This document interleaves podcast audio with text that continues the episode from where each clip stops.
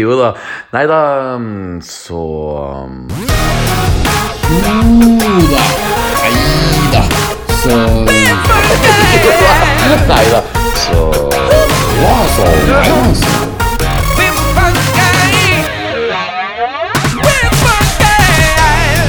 Jo da. Nei da, så Jo da. Nei da. Så Jo da. Nei da. Kjære lyttere av podkasten Yoda, nei da, så. Fredag den 18. desember 2020 er herved historisk i Star Wars-sammenheng. And we are gonna break it all down tonight. Mitt navn er Petter Aagaard, en snart eh, 42 år gammel trønder som har grinet tre ganger den siste timen. Og min podkastpartner in crime, Knut Løksen. Hvordan er formen din? Nei, det, det, er, eh, det er som du sier, jeg, eh, jeg er helt lamslått. Det er litt sånn når kunsten blir større enn livet, holdt jeg på å si, En, eller enn virkeligheten. Det er eh, eh, Jeg hadde ikke trodd at det skulle bli så episk og monumentalt som det blir nå. Og jeg har, eh, jeg har aldri hatt mer på hjertet etter en, en, en TV-serie eller en Mandalorian-TV-serie eller, eller episode. Eller det Her er det så mye å snakke om. Og det er, da mener jeg 98% 99 eh, episk positivt. Ja, nei, vet du hva, vi kan jo starte med å si at um, filmregissøren Peyton Reed hadde faktisk eh, regi på denne siste episoden av Mandalorian, altså chapter 16, The Rescue. Og Peyton Reed var jo faktisk eh, ikke en av dem vi to hadde gjetta skulle få den store æren av å ha regi på The Series Finale. Jeg hadde tenkt liksom litt sånn eh, John Favreau, eller kanskje noen andre store Hollywood-navn. Men for all del, Peyton Reed er et stort navn. Det er jo mannen bak bl.a. Ja. Antman-filmene. Men eh, du var jo e egentlig ikke så fornøyd med Peyton Reed som Mandalorian-regissør i den tredje episoden fra sesong to. Stemmer ikke det? Jo, det var den eh, andre Nei, unnskyld, tredje episoden, ja. Ja, tre- Tredje ja. Nei, altså eh, det Jeg var trekker tilbake unnskyldninga. ja, lyst, eh, ja, det er bare å angripe meg. Nei, den, eh, altså episode tre i sesong to var, er jo min mm, eh, lavest rated for min egen del i denne sesongen. Eh, Men det var ikke pga. regien, det var mer pga. historiefortellingen og hva den episoden inneholdt. Mm. Så for meg så, det, var, det var på ingen måte en dårlig episode. Det var mye, som vi sa den gangen, mye Star Wars-snacks, men ikke så, ikke så veldig plott-tung. Ja. Og eh, noen litt sånne tynne overganger, eh, spesielt med den Ja. mauren i kantina og sånn. Eh, definitivt. Men, men satt det til siden, så eh, så er jo dette, denne episoden er også skrevet av John Favreau. Eh, jeg tror ikke Mm. Peyton Reed har noen writing credits her. Eh, Nei. men eh, jeg må si at eh, regien og de emosjonelle klimaksene eh, uventede Hva skal jeg si? Eller det er jo ikke uventet at det som skjer på slutten, skjer, men det er allikevel Du, du tror det jo ikke før du får se det, pga. at det, det er, vi snakker om Ja. en TV-serie. Er- Man hadde jo ikke trodd jeg, Nei. Vi kommer jo til det, men um... Vi, vi, vi, kommer til det, og jeg må bare gå litt tilbake til det du sa med ordet Star Wars-snacks, for det var jo egentlig en veldig veldig bra beskrivelse av um, hva Peyton Reed klarte med den tredje episoden, for det har vi jaggu meg fått nå også i chapter 16. Det her må vel kanskje være den episoden noensinne i Mandalorian-sammenheng som har mest snacks. Det var jo rett og slett en rollercoaster ride av Star Wars-godteri fra start til slutt. Altså, jeg mener, eh, jeg, jeg snakka jo veldig varmt om forrige episode, den som jeg for øvrig ga en terningkast seks. Så jeg står faktisk på den sekseren ennå, for jeg har reflektert litt over han Bill Burr og de scenene, og hvor friskt det var å se liksom nye typer Star Wars-scener i Star Wars-sammenheng. Du vet liksom når det Ja. imperiet jubler, og når Bill Burr snakker med sin tidligere commanding officer og alt det der. Jeg elsker jo et, et ny Star Wars inne i gammel Star Wars. For, altså, so, so, it's all new, but somehow it's old old, eller hva han Mark Hamill sa når han skulle prøve å beskrive The Last Jedi tilbake, for noen år tilbake. Men jeg føler liksom at det her topper til og med det inntrykket, for at her får vi masse nytt Star Wars inni det gamle. Forstå den som forstår vil. Men vi kan jo bare, egentlig bare starte rett og slett med en utrolig tøff space battle-sekvens. Ja. Du vet når han Dr. Pershing uh, blir Skulle til å si kidnappa, han blir forstått kidnappa. Det er liksom Du har liksom Slave One, og han bruker Ion Cannon, og det er liksom det er dokking av et uh, romskip. Har vi egentlig sett det i Star Wars-sammenheng før? At et relativt lite romskip dokker eh, et annet romskip? Det var nytt for meg, tror jeg. Nei, det, det altså den, det begynner jo med den scenen de har tracka ned Dr. Pershing og den der Lambda Class-shuttlen som vi kjenner fra originaltrilogien. Oh, yes. det, Oh, yes. det skipet hadde jeg i leketøy, forresten. Og det, var, det, var, det er et av de kuleste skipene. Et av mine favorittskip. Det er noe med designen der som er så Det kler imperiet så godt. da. Mm, Um, Nei, jeg tror ikke jeg har sett et såpass lite skip boarde et, Mm. eh, et, eh, et, eh, et lite skip. Altså, Mm. Og så er det, jeg må nevne den scenen når de kommer. Så får du en sånn du, du får se Slave One dukker opp som en sånn final boss på et TV-spill foran cockpiten på Mm. Yes. Allerede Herlig. der tenkte jeg bare Fy fader, så sinnssykt fett eh, filma, liksom. Fordi Mm. at det, du får se Slave One som en sånn Sånn, eh, altså sånn evil looming character som Yes. bare liksom ruver over deg. Liksom. Og det der skjer jo liksom Og du ser Bobafett inni cockpiten også. Sitter Ja. der liksom Ja. Og du, og du husker hva de imperiepilotene sier? This is pirates. Ja, og det er jo på en måte veldig altså Selv om ordet pirat har blitt brukt mye i Clone Wars-sammenheng, men Ja. det her føltes virkelig som en pirate hijack in space. Så Ja. det var sånn nydelig valg av ord, for det var jo akkurat det We're boarding the ship, liksom. Ja. Og så det, det um, romskipet som du nevnte, um, som um, jeg også har veldig sans for, som hadde mye fokus i Return of the Jedi. Ja. Vi snakka jo tidligere om um, hvordan vi liker A New Hope, Empire Strikes Back, Return of the Jedi. Det jeg ofte føler, er jo at på mange måter så er Return of the Jedi min favoritt-Star Wars-film, fordi at den hadde eh, fått oppdatert alt av eh, Imperial romskip, og det var enda flottere, det, vis det visuelle eh, mm. effekts. Og det var på en måte Som eh, en ung gutt da, som jeg da var når jeg så Return of the Jedi, så var det på en måte sånn Nå har vi på en måte knekt koden på alt av dere eh, special effects, eh, space eh, action-sekvensene. Ja. Så at, um, og det var det vi fikk Det her var på en måte en Return of the Jedi-vibe Ja. over hele Ja. episoden. Og jeg, jeg vet du hva? På mange måter så er faktisk Return of the Jedi min favoritt-Starfilm, hvis man ser det bort fra Ewoxen, som jeg for øvrig likte da når jeg var liten, men Ja, nå i nei, ettertid skjønner kanskje at det var Return of the Jedi er jo en episk bra film. Den bare bare, Jeg syns bare at de to andre er bitte litt bedre. Men det er, Exactly. en, det er jo fortsatt Ja. en terningkast seks. Og Ja, ja, ja. ja, og jeg er ikke en motstander av e-voksne, altså. men, men det er som du sier, dette her er nesten en sånn post Return of the Jedi-feeling på hele episoden. Du får, det er nesten en oppfølger til Return of the Jedi. Ikke bare i forhold til ja, Vi kan komme tilbake til det, men, Ja, men ja. eh, det, det gir jo hele en sånn en, en taste av hva Star Wars og originaltrilogien eh, var. da. På en, eh, og vi får jo så mye altså Denne episoden her har jo enormt mye action. da. Enormt mange emosjonelle, eller i hvert fall noen få og det er flere for så vidt, emosjonelle høydepunkter. Eh, du får masse karakterdevelopment, altså utvikling hos Cara Dune, Mando, Grogu, eh, Bo Boba Fett. Eh, altså Det er så mange sentrale Star Wars-skikkelser som vi kjenner fra, fra gammelt av, og nye. Bare i den der Lambda Class-shuttlen, når de har en, liten de har en ny standoff der, hvor han eh, eh, piloten -hmm. utfordrer Cara Dune. ikke sant? På at, Yes. eh, og dette kjenner jeg litt igjen fra bøkene, fra Lost Stars, som vi snakket om forrige episode.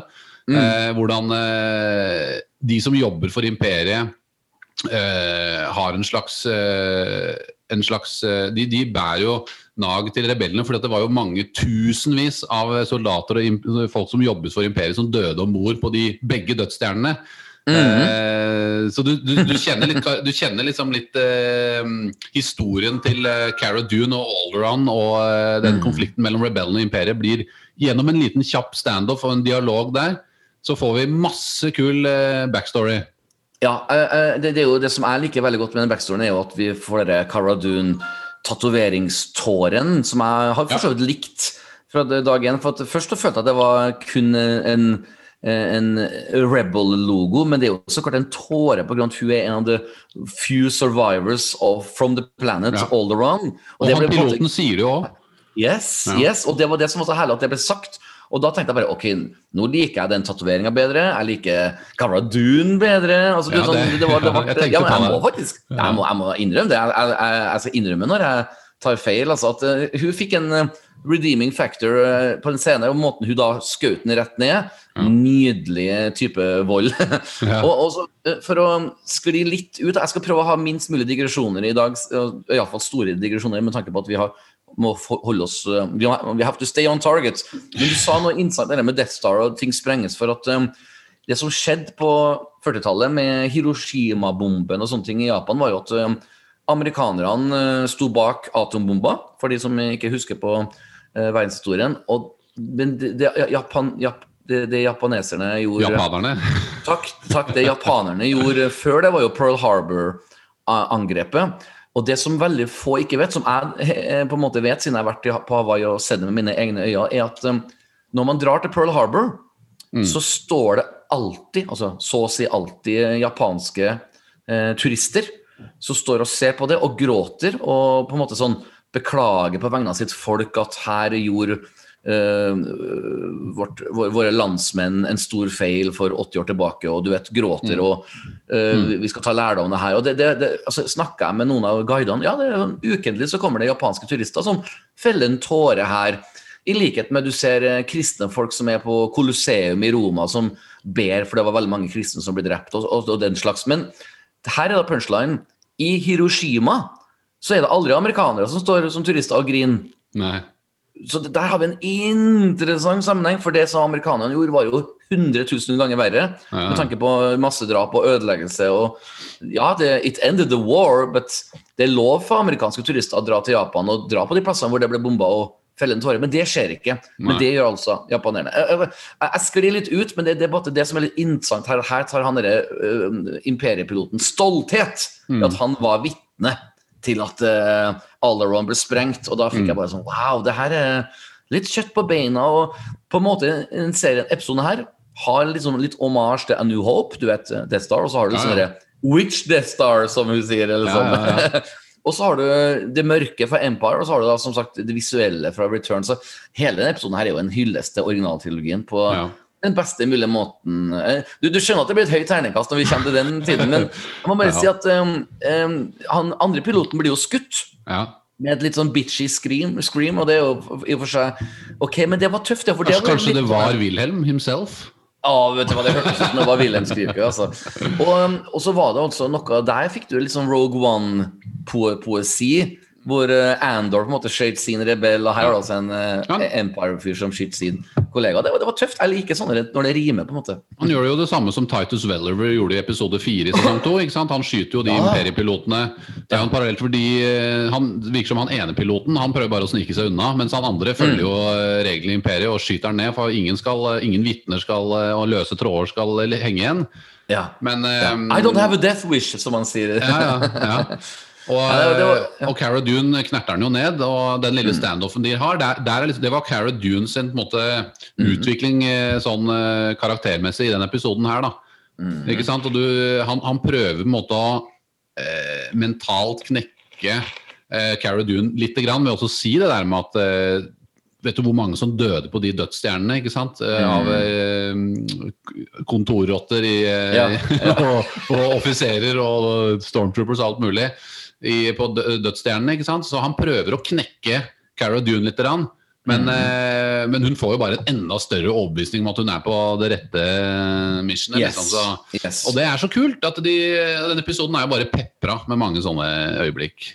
Ja, og det her er jo også bare introen vi snakker om. Altså, Ja, vi, vi- ikke. Mandalorian-tittelen har ennå ikke Ja. kommet på skjermen. liksom og, Ja. Så For å være litt sånn barnslig, altså, bare introen her er jo en terningkast seks i min bok. Selv om vi skal komme tilbake til terningkastprat senere. Men det som er litt interessant, er jo at um, når da episoden begynner, så får vi liksom, du vet, se Moff Gideon sitt Imperial Light Cruiser. du vet, På den klassiske måten. Sånn heist-feel. Ja. Og, og doktoren er kanskje litt for behjelpelig, men det har han egentlig vært i sesong én også. Han er jo egentlig bare en uskyldig mann som er på jobb, virker det som. Det er noe interessant der, for at det, ikke de pilotene sier jo at han er en high tire target of the New Republic. Eh, Han er en clone engineer. Jeg tror Mm. Yes. at han har jobbet tidligere for Republikken. eh, Camino, kanskje? Ja. Ja, Camino. Jeg, tror- jeg tror, Ja. Eller vi har hatt noe samarbeid, noe. Vi ser jo i, i traileren til The Bad Batch, som kommer neste i mars, var det vel, den animasjonen, så ser du i traileren der, så ser du at de er på vei til Camino i en av Yes. øyeblikkene her. Så Ja. det, er, det er jo mer story der som uh, ikke har um, utfolda seg ennå, da. Det Ja, er jeg helt håper opplagt. han dukker opp, faktisk. Jeg håper virkelig at uh, han dukker opp i Bad Batch. For det er noe med Ja. Når han snakker om det, altså, The Dark Troopers, like, like the human inside was the final weakness of the Dark Troopers. Han, han sier veldig mye interessante ting. At nå går vi virkelig bort. Ja, unnskyld. Nei, jeg skulle bare si at han går bort ifra Clone Troopers-biten. Det er har jo vært borte i flere tiår, så klart. Men nå er det liksom It's all droid now. Ja. Og der er det jo interessant. Dette går jo tilbake til, eh, til, eh, til det vi snakket om en av podkastene. Tror det var for to eller tre episoder siden, når vi snakket om Dark Trooperne. Da Ja. nevnte jo jeg at eh, det var jo fase én. Så var det jo da med human testing. Ja, Det, det funka ikke, så de gikk over til droids. Og de sier jo eh, helt presist eh, i episoden at det er fase tre Dark Troopers vi eh, møter i denne episoden her. Det, og det er jo altså det er så mye attention til de detail. Det er så mye som folk ikke veit om. Altså de, har, de har tenkt på det, liksom. Og det, det er så dyp nerdete lord, law som det går an å få blitt. ikke sant? Og, det er, eh, og selv det tar de hensyn til. Dyp, nerdete Mandalore. Nei, men altså, Bare for å være usaklig i to sekunder. altså det her, Episoden her alene har jo mer eh, korrekt hommage til Star Wars-historikk enn hele The Rise of Skywalker. Men vi, vi skal la The Rise of Skywalker ligge i dag. Men jeg kjenner at jeg blir mer og mer frustrert egentlig over Ja, The Rise of Skywalker. ja, hvordan, ja. hvordan de ikke klarte å bare få inn litt sånne Filoni-lignende folk og bare rydde opp i det. Altså. Det, det, de- de- du, vi krever ikke alt her i verden altså, med Star Wars, men vi krever iallfall at ting skal henge på greip. Og Ja. det gjør det her.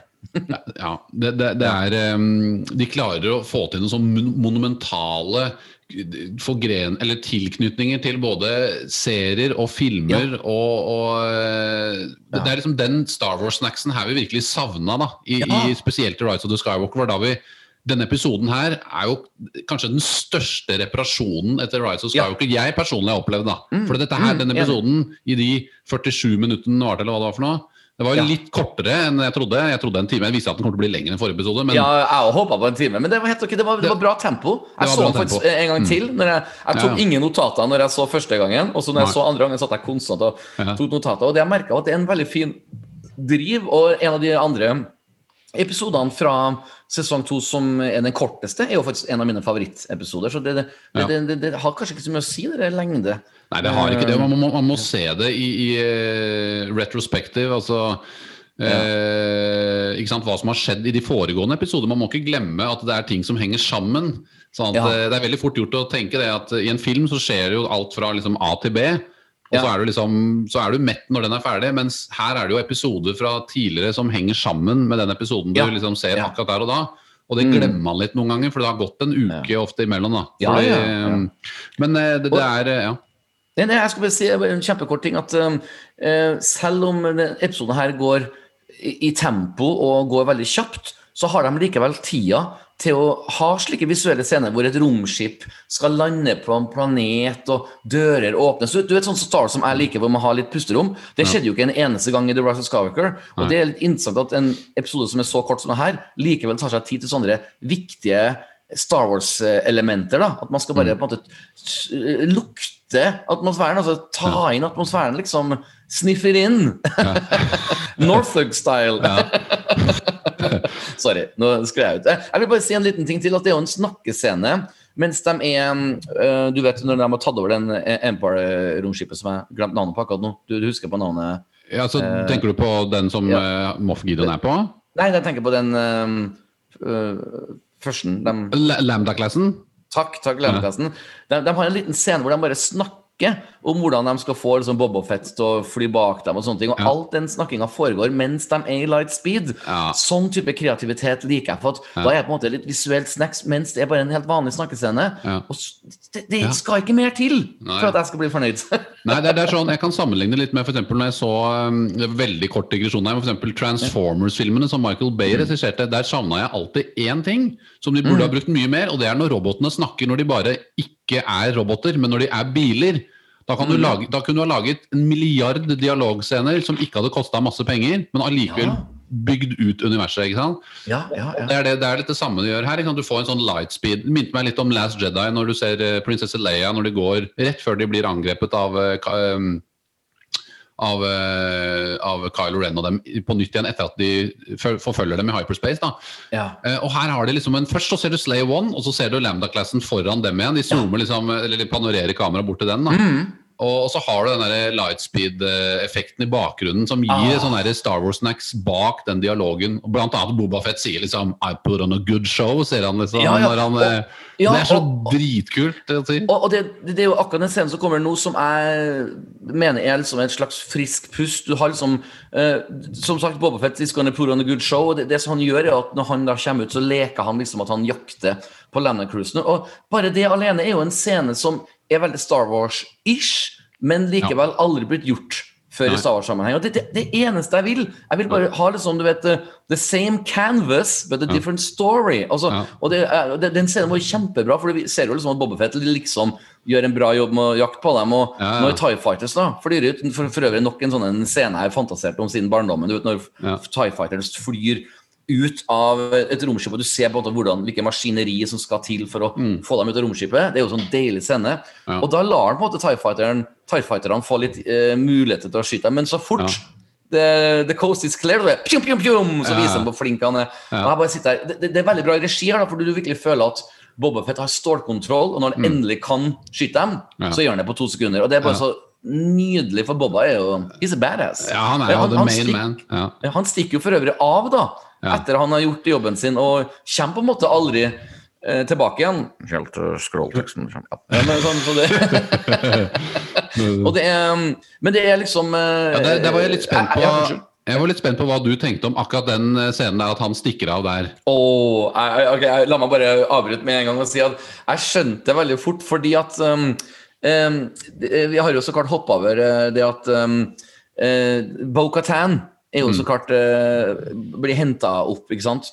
Og, og det som er så artig med det, er jo at uh, den mannlige kollegaen til Bo-Katan He's nowhere to be seen. Nei, Kanskje han har fått seg en annen skuespillerjobb akkurat den uka hvor de skal spille inn Mandalorian. hva vet jeg. Men ja. hun andre kvinnelige er med, og da tenkte jeg oh, we're gonna have a girl power show on this episode. Ja. Og det var det jeg, jeg på en måte skjønte når Boba Fett forsvant, og ikke minst Mando insisterte på å gjøre sitt uh, oppdrag, uh, eller det andre oppdraget, da, alene. Da skjønte jeg OK, it's gonna be a girl power show. Hva Ja, ja, ja.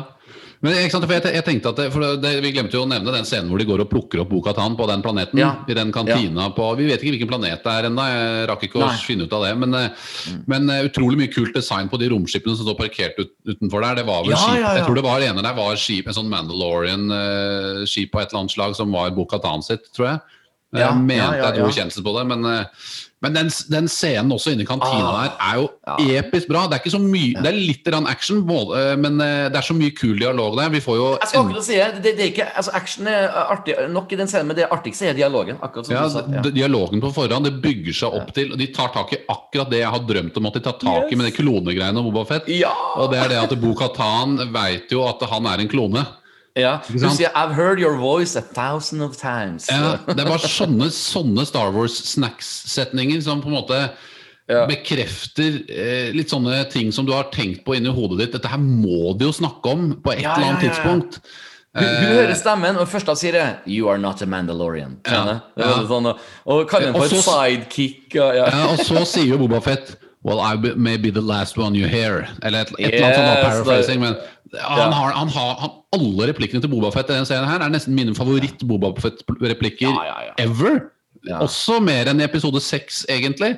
Jeg synes alt Mm. han, eh, han blir liksom litt utfordret i forhold til at han er en klone. da Ja, De stiller liksom litt spørsmålstegn ved det, og så, eh, og så blir det en liten fight inni baren der med hun Sasha Banks. Ja, ja, ja, Eh, og den fighten er jævlig kul. Den er veldig kort og, liksom, eh, og, og presis. Det er sånne små detaljer som at hun bruker rocketpacken sin for å liksom eh, løpe på veggen veggen der, inni kantina. liksom Sånne bitte Mm. små En liten actiondetalj, men allikevel betydningsfull. De bruker liksom de gadgetene de har. Sånn at action blir på en måte en, en, eh, en forlengelse av karakteren. da Ikke bare sånn meningsløst pliff-plaff, liksom. Ja. Og så Um, og så er det noe som eh, Bo-Katan sier, det hun som sier at eh, ja, vi skal gjøre den eh, dealen her og ta Moff Gideon, men eh, etter det her gjort, så må du vurdere å join our efforts. Altså, er det et lite hint til sesong tre? At eh, man skal liksom få Ja. noe, altså, Sesong tre vil jo handle om å få tilbake Mandalore. Eller som Bobafett sa, that planet was turned into glass. Det, Ja, var en veldig artig ja, var veldig måte å beskrive. Ja. Ja. Og det, det, er jo, det er jo sikkert det sesong tre vil handle om. Du vet Dark Saber, så klart. Vi skal ko- komme tilbake til den. Og det å liksom um, oppleve Mandalore-planeten, som vi to riktignok har sett på Clone Wars, men Mm. folk flest har jo ikke sett, det- sett det før. Så det, det, var, det var en fin greie. Jeg savna som sagt han mannlige. Eh, Ja, han, han hadde ikke noen forklaring på hvor, hvorfor han ikke var der. Han, eh, han hadde fått korona, han, tror jeg. Ja, korona. Definitivt korona. In real time. Ja. Men, men det ble litt feil eh, der og da. Men så skjønte jeg jo sånn etterpå at når de kommer seg på den store planeten, det store romskipet nå, så er det jo girl power. For at da, jeg skjønte jo at Bobafett flyr ut i lightspeed. Og det er bare uh, Mando med damer igjen i romskipet. Hun Da Sasha Banks, jeg digger henne. Jeg syns hun er enda kulere enn Cara Dune. Jeg, vet at Cara, altså, det, det, jeg syns faktisk denne episoden er Cara Dune sin beste episode. Eh, Mhm. Til nå. Eh, både actionmessig og, og dialogmessig, og hvordan hun leverer replikken. og sånn, er liksom hakket sterkere. Det er mulig at det, liksom, historien gir henne mer å jobbe med. da. Hun har mer Ja. liksom, kjøtt på beina å jobbe med. Men jeg må nevne en ting noen, i og med at Ja. du nevnte det med sesong tre. For her er vi inne på noe som det er sikkert mange sitter med mange spørsmålstegn ved, og det er hva i helsike som kommer til å skje i sesong tre? Vi kan komme tilbake til akkurat Ja, ja, men eh, det etter hvert, men jeg tror det er en s- veldig Jeg skjønner nå hvorfor Disney ikke annonserte dette her på den Investor Dayen for en uke siden. Mm. Har du tenkt på det? Uh, fordi at det vil være en um, uh, Mandalorians? Er det det du tenker på? Nei, fordi at uh, de, de lot være å annonsere Mandalorian sesong 3 og Bobafett-showet. Og det er på grunn av denne eh, Skal vi vente med å snakke om det, kanskje? Jeg tror at jeg har en liten sånn teori om akkurat hva det er for noe. da. Vel, altså, alle som lytter på oss nå, har jo så klart allerede sett episoden. Så vi, vi kan ta en liten Vi skal jo prate så mye om framtida et, etter hvert Ja, uansett, så ja. vær så god. eh, hit Nei, jeg, jeg tror at i og med at vi har en post-credit-scene i den, mm. i den eh, Så var overraskende takk, Petter, for at du minnet meg på det. For det ellers hadde For det tenkte jeg faktisk ikke på. Jeg, eller jeg tenkte på det tidligere i episoden, men så glemte jeg det, og så skrudde jeg av. Altså. Ja, det går bra. Eh, Men Disney lot være å si noe De nevnte alt de skal lansere i Star Wars, bortsett fra Mandalorian sesong 3 og Bobafett-showet. Ja. Og det er fordi jeg tror at det Bobafett-showet er Det er på en måte Det er ikke Mandalorian sesong 3, men det er det vi får i desember neste år. Det er det jeg tror. Fordi at eh, eh, altså Mandalorian sesong 3 har de jo sagt skulle komme i desember. Ja. Men nå er det jo Bobafett-serien som kommer i, de, eh, i desember. Ja, det sto jo svart på hvitt, eh, eller blått på svart, kanskje, for å være en sånn Star Wars-nerd. Men Ja. det sto at 'coming December 2021', og da tenkte jeg bare Men i all verden, det er jo December 2021 Mandalorian sesong 3 som komme, så jeg bare Det jeg tenker, da, er at eh, Mandalorian sesong 3 kommer desember 2021. Men samtidig, innimellom skulle du si, så kommer det kanskje en sånn en fire episoders, seks episoders eh, limited series med Bobafett sin eh, greie. Men det, det som eh, den post-credit-siden hinter til, er jo at eh, det er jo nåtid. Altså det er liksom den tida Mandalorian foregår i. Ja, ja. Hvor han tar over Jabba's Palace, Ja. som skal handle om Men jeg, vil jo e- egentlig se hvordan han kom seg ut av um, uh? Eh, blir takk. Men det kan vi alltid få se i tilbakeblikk uansett. Ja, ja. ja. Jo, det, det tror jeg absolutt. Eh, Så Så, så for, bare for å stille spørsmål Du tror altså det ikke kommer Mandalorian sesong 3 i desember 2021?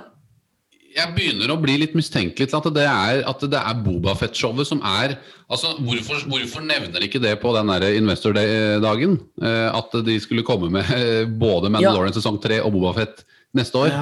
Fordi ja, at da hadde de ja. røpet fordi, Jeg tror det er fordi de ikke da De hadde planlagt å ha den post-credit-scenen i siste episode av Mandalorian sesong 2. Mm. Og da kunne de ikke røpe det, da. eh, På den dagen. Du er inne på noe, og jeg, jeg, jeg tror kanskje du har rett, men likevel så er det jo flere hint i løpet av handlinga på episoden her som hinter til at det er flere svar vi trenger. Altså det er flere oh, ja, ja. spørsmål vi må stille. Så at, uh, vi, Ja. det, du, du mener at det blir siste gang vi ser Pedro Pascal, liksom? Det, Nei, det nei, nei, nei, nei absolutt ikke. Eh, men jeg tror ikke, jeg tror ikke Mandalorian sesong 3 kommer først. og så kom, det, kommer jo tilbake til etter hvert i denne episoden når vi kommer videre her, men det skjer jo ting som gjør at uh, denne serien kommer til å ta en litt ny vending og handle om mer om tror jeg da, om Mandalore og tronen på Mandalore og sånn. da. Ja, du, du har et bra poeng, altså. Det er, var det The Book of Bobafett? Tittelen var? Yes, The Book of Bobafett.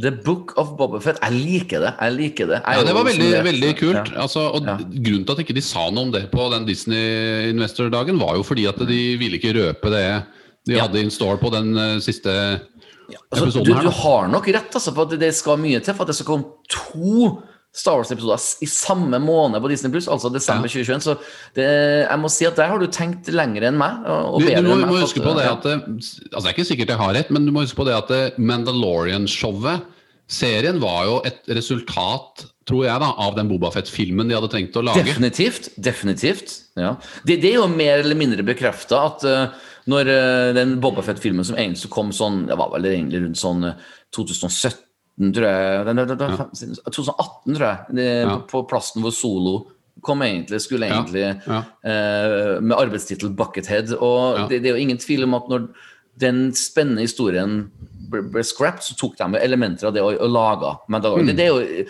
det, man skal være veldig naiv for å ikke skjønne det. Så der har du helt rett. Så du er inne på noe her, altså. Og, og det er jo noe vi snakka om også på forrige podkast, eller iallfall to podkaster siden, var jo at eh, rart at ikke Bobafett-serien ble nevnt på Disney pluss. Ja. eh, Og ikke Mandalorian sesong tre. Og det er fordi jeg ja, og, tror og ikke Mandalorian sesong. Vet du hva?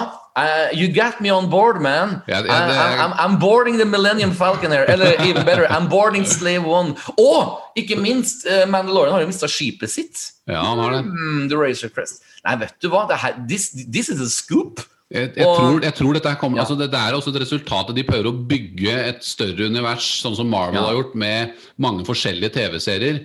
Og jeg tror at Mandalorian kommer til å fortsette som Og jeg tror det kommer til å fortsette å hete Mandalorian, men eh, det kommer til å være mer med Bo-Katan og, og The Dark Saber og og Ahsoka, og, eller Ahsoka-serien kommer til å veve seg inn i det. Kanskje Ahsoka-serien er en fortsettelse her, hvor disse karakterene kommer inn som, Ja, litt sånn som i Marvel. At plutselig plutselig så er Iron Man med i en Captain America-film. og Jeg tror vi kommer Ja. til å få se det, altså, det kan i aller verste fall være at, eh, at vi ikke får flere sesonger med en serie som heter Mandalorian, men Mm. Ja, at, du får, ja, ja, at du får karakteren The Mandalorian. det, altså det var bare et springbrett liksom til uh, yeah, resten. Det, det, Mandalorian ble på en måte filmen Iron Man, kan du si. det- Begge to har for så vidt rakett eh, på sin Det, drakt. det kan fort hende, men, men altså, at vi har sett det siste av Din Djarin og det Absolutt ikke. altså han, Det er garantert at han kommer tilbake. Men om eh, Men vi må dette, det, ja, men. Unnskyld å avbryte. Det, det, du vet hva? Eh, nå hopper vi litt for fort fram her, men den avslutningsscenen som vi skal snakke og kose oss med etterpå nå, den var jo ganske avsluttende i, i Ja. sin form. Ja. Var, men ok, ok, ok, vi, vi lar den eh, vi, vi, må, vi må snakke om at damene skal ta over um, The Bridge. altså girl power-skyting. Vi, må- vi må Stay on target, stay on target. Jeg vil bare si at den actionscenen med disse tre damene um, den var enkelt regissert, men tøft. Altså, det var ikke noe mind-blowing, men absolutt godkjent. Men det jeg la merke til, som er litt sånn Petter-særhet, er at det var ikke noe sånn regissørsignatur på actionscenene. Så jeg satt jo liksom og tenkte hm, hvem er regissøren bak de scenene? For det var veldig vanskelig å Det var ikke noe Rodriguez, det var ikke noe Tarantino, du skjønner hva jeg mener, det var ikke noe Ja. Christopher Nolan. Det var liksom sånn bra actionscener. Ikke Ja. mind-blowing, men jeg Ja. elsker jo sånne Star Wars-korridorer. vet du. Jeg, jeg vil jo gjerne at min mancave skal se ut som en Star Wars-korridor i framtida når jeg lager meg en man mancave. Men du vet, Mando lurer seg rundt, ikke sant? Mm. og damene holder på med sitt. Hva, hva, hva- sitter du igjen og tenker på? For det var jo ganske mange minutter der med actionscener og skyting av stormtroopers. Det, det er liksom både og. altså det noe, Mm. noe av action er ganske sånn eh, Den regular cup of tea-action, på en måte. Det er ganske sånn Ja. straight forward. De kommer løpende og, og sånn. Men det er Ja. også et par action eh, De stager et par veldig kule ting. Det er jo eksempel måten Uh, Måten eksempel uh, Tie Fighterne kommer ut av det der Ja. Light Cruiser-skipet på. Ja, det det- har vi ikke sett før. Vi så det litt i Force Awakens. Hvor de, det var Jo, du, du, er du er helt, jeg, jeg nevnte jo i stad podkasten, podcasten, det var noe som jeg likte. Det er sånn som jeg leika da jeg var Ja. liten. Ja, mm. det, var en, det var en dødstøff scene, fordi at du får se liksom fra start to finish hvordan TIE Fighterne kommer seg ut av liksom korridoren, eller ut av den derre Yes. Hva kaller de det? Altså eh, shuttle The trench, The, skulle du si. the trench Nei, shuttle thingy Ja, maddiggy bobby. Men den, ikke sant? Og så skal de på en måte penetrere den inngangen med den Lambda-shuttlen, og lande ord, inni ja. den. Ja. Kom, kom. Beklager til alle koffertlyttere der ute. Nei, nei, men, Nei, men- men, eh, men eh, det var, sant, det var, et- synes jeg var et eksempel på en veldig kult staged eh, actionscene. Yes. Fordi det er Yes. ikke bare den regular bare komme og skyte, kanskje det kommer en tractor beam og liksom sender dem inn. Nei, de lurer dem ut. De lurer Tie Fighterne ut. Og skal, Yes. Så da skal, jeg må si det igjen, penetrere gjennom eh, åpningen i, by- i fronten Ja. av skipet. Du, du eh, Og- verdens minste digresjon. Eh, vet du hva jeg lo mest av på episoden her? Det var en scene som skjedde rett etter den penetreringen. Det var, det var hun, eh, hun damen som er- hun Cara Dune. Når hun, eh, hun har jo et big ass blaster, ikke sant? og så plutselig Ja. så slutter den å fungere. Ja. Og så sier han nesten noe som høres ut som 'motherfucker'. Men hun Hun sier, hun bare sier Mud, ja. et eller annet mudnerfer eller mudcaster. Men hun sier noe enda morsommere litt tidligere, som jeg må si. Jeg prøvde til og med å oversette det til norsk. Og det er når de snakker om de Dark Trooperne med Dr. Pershing i. Lambda-shuttlen, så, så, så sier han Dr. Pershing at eh, dere kommer til å få problemer med de Dark Trooperne, liksom, for det er fase tre og bla, bla, bla. Så sier, så sier Cara Dune Those Dark Troopers are gonna be a real skank in the scud pie. Ja. Og det var litt artig. Oversatt til norsk så blir det. De Dark Trooperne kommer til å være en skikkelig horete kvinne som ikke klarer å si nei til sex i den ballistiske missilpaien. Og det her er et barneshow, folkens! This is, this is the best shit ever. Og så sier hun som sagt eh, nesten 'motherfucker' bare med å forandre noen ord. Husker du ordrett hva hun sa? Når uh, lasergeværet Nei, eh, hun, eh, jo, leste. mud, jeg husker ikke, Det var noe med Mudskaffer, sa han i hvert fall en eller annen gang i episoden. så har han sånn en sånn, sånn mudskuffer. Altså, sånn, Ja. nesten, nesten, Hun sa jo Dank Liksom. Farrick en gang også. Du sa Dank Farrick Ja. også. Og det er det som er så artig for de originaltrilogien. Det verste du hører er av banneordet 'blast'! Liksom. that's, that's, about, that's about it. Men her eh, Og det, det er så artig. De klarer liksom å fornye seg til og med i alternative banneord. Ja. Ja, det var, det var masse kreative banneord i denne. Så, sånne kule Star Wars. Det, det minner meg om scenen med Leia i Empire. You, struff, you scruffy looking nerf herder, ikke sant? Hey, who's scruffy looking? Og det er, det er litt så, sånne type setninger. Når de treffer riktig, så er jo det helt genialt, det. Men det er eh, tilbake til uh, Hvor var vi egentlig? Det var uh... Altså, vi, vi er jo på en måte eh, girl power-skyting. De eh, går fra korridor til korridor. Og jeg har lyst til å ha scene der. som ser sånn ut. Ja. En kreativ scene med den derre hvor, de, hvor, de, eh, hvor Boka Bo-Katan og Sasha Banks Jeg husker ikke hva Sasha Banks sin karakter heter igjen, husker du det? Uh, the, uh, the lovely brunette. ja, det, ja, ikke sant. Uh, når de gjemmer seg under den der, uten den også uten handrails, den broen er litt handrails, faktisk. Den har sånn 30 cm, så er det en liten forbedring der. Men de gjemmer seg under der når Cara Dune Ja. og Fennec går bortover der, og så kommer de opp når stormtrooperne Det var litt tøft der.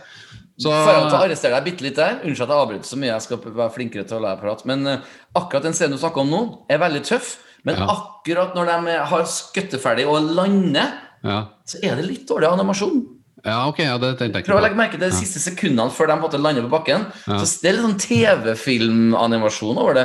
Og Da ble jeg litt overraska. Det er for så vidt eh, flere eh, animasjonsting vi kan diskutere etter Ja, ja da, det, det, det, er sånn. Ja. det, I know where you're going with that. Men, men, men, men eh, når det er sagt, det er innafor. Jeg, jeg har jo alltid i bakhodet at det er jo en TV-produksjon, selv om det, vi snakker hele tiden om at det er Star Wars. Men jeg, jeg snubla over en reportasje i går hvor det var en oppegående journalist som sa egentlig hvor utrolig bra Star Wars passer til TV-formatet. Og jeg må faktisk si at Hadde jeg lest den artikkelen for mange år tilbake, så hadde jeg sagt no way in hell, Star Wars må du se på premiere, på kino, for å få med jubelen og applausen med tusen andre Star Wars-fans. Jeg står fortsatt for det, men det er faktisk sant. altså Star Wars fungerer enormt bra som eh, TV-serie. Og jeg er sånn som hver gang det kommer en ny sci-fi-serie på TV, så gleder jeg meg alltid og skal sjekke det ut, for jeg elsker jo sci-fi.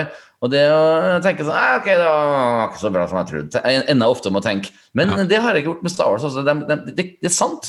Det passer til TV-formatet. Er du ikke enig? Jeg er helt enig. Og det, det er jo tiden for det. Altså, når du Ja. har en franchise, franchise som Star Wars, og som er så med 40 år med historie, liksom, eh, og så mye serier og bøker, og så har du så mye law å bygge ut av. Altså, det er, det er så mye materiale du kan eh, plukke fra. Så det er hadde de skulle lage det fra scratch eh, Hvis dette her var den, det første vi så av Star Wars var en TV-serie, så hadde det ikke vært det Mm. samme. Men eh, det er liksom kulminasjonen av 40 år med, med, med, med Hva skal jeg si altså Med law. Ja, med lore og, og, og. Star Wars startet jo på en måte eh, fan, en ordentlig filmfankulturen. Ja, Og ja, det er jo kulminasjonen av dette vi ser nå. ikke sant? At fans har digga dette her nå i 40 år. Og så mange filmer som, eh, og fra andre franchise som har lånt fra Star Wars, og, og både effektmessig og historiemessig og sånne ting. Nå Mm. ser vi at nå har noen skjønt Nå har noen virkelig satt seg ned og skjønt hva de Ja. virkelig kan få til med TV-serie. Hvordan Ja. de kan bygge ut et univers på den mest geniale, genuine, nerdete måten. ikke sant? Og det er, jo- det, verden blir jo bare mer og mer nerdete. Vi sitter jo Å mer ja, ja, hjemme. nerd is the new cool. Eller Ja. sånn, si, weird is the new cool. Ja, ja, men nerd is the new, new cool, og det er det som skinner igjennom her. Altså, det er bare Ja. Det er veldig interessant, altså, ikke for å skli ut noe, men det nerd-fenomenet har virkelig forandra seg de siste 30 årene. For på 80-tallet Ja. var, nerd var noe med mann med briller med ra- rar latter og, Ja. og penner oppi skjortelomma si. Og så, altså, nå, nå, er, nå, er det sånn, nå kan kule folk, hva nå enn kul betyr, kan innrømme at de liker Harry Potter, og likevel damene tenker ah, så koselig. Altså, Vi har en, vår felles venn eh, Christian Steler, han er jo for øvrig en stor Star Wars-fan, og en Ja. kul dude med flott Ja. dame og kule jobber. Han, Ja. han er sånn som griner når han ser sånne sekstimersversjoner av Ringenes herre og sånne ting. Ja, ja, ja. Og jeg elsker å høre på hans Ja. entusiasme, og når han snakker om det, så ser jeg damene eh, nærmest sklir av stolen når de hører han prate, for det høres så spennende ut. Ok, her kan du klippe bort hvis Hvis du begynner å gråte eh, av podkasten, så ja, ja, ja, ja. Men altså, det er noe med at det, handler om lidenskap. Og, escapism, som jeg eh, er veldig glad i, et ord jeg er glad i å bruke Herregud, til og med Michael Jackson gjorde det på 80-tallet med Captain EO og Thriller og laga liksom en slags røm litt fra virkeligheten, den kalde, fattige 80-tallet med Margaret Thatcher i England. Og så plutselig har du Michael Jackson som bare flyr, liksom. Altså, Star Wars er jo inspirasjon. Altså, Star Wars er på en måte ground zero for moderne Ja. eh, populær Kultur. kunst. Ja. Cultural references Ja. right here, liksom. Og det, og det er eh, og det, altså Ordet nerd altså det var, det var van, altså i, For 40 år siden altså var det mye vanskeligere å tilegne seg informasjon om ting. Men når vi har fått Internett, og vi har fått Google, og vi har fått eh, vi har fått så mye kunnskap rett foran nesen på oss. så Det er på en måte, det er så lett å, å få all mulig nerdete kunnskap om ting som bare akkurat du vil ha. Derfor så er jo det jo Til slutt så er alle nerder, ikke sant. Og det, det, det, det, det, gjør noe at Det gjør at folk rett og slett kan tilegne seg mer kunnskap på kortere tid.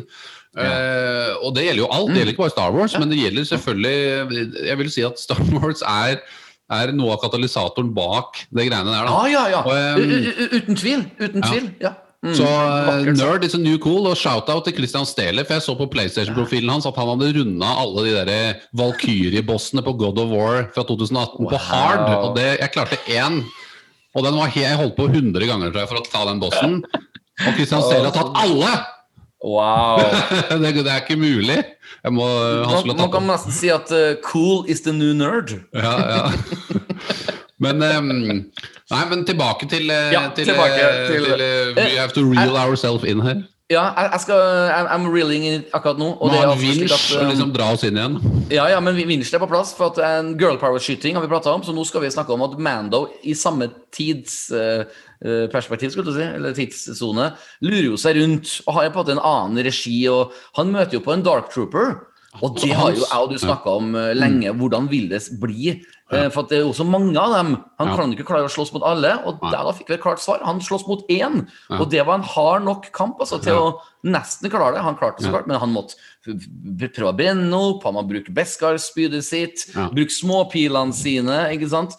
Og måten han fikk bort alle andre han var jo bare å slenge dem ut i verdensrommet. Det var litt sånn Moonraker, James Bond, Austin Ja. Powers eh, Ja, midlertidig, ja. Jeg likte det. Ja. For jeg, selv om jeg skjønte at det var midlertidig, så var det en veldig smooth måte bare å Ja. få dem bort på. Det var veldig bra. Der var CGI-en perfekt igjen. Ja. Så det er litt Al- interessant det med CGI, hvordan det fungerer av og til, og ikke alltid. Ja. Ja, altså Det det er jo kult. den Mando er jo på sitt eget oppdrag. Han har jo fått Mm. oppdrag å Eller to ting. Han skal finne Grogu, og han skal finne den hangaren hvor de Dark Trooperne er, og deale med dem.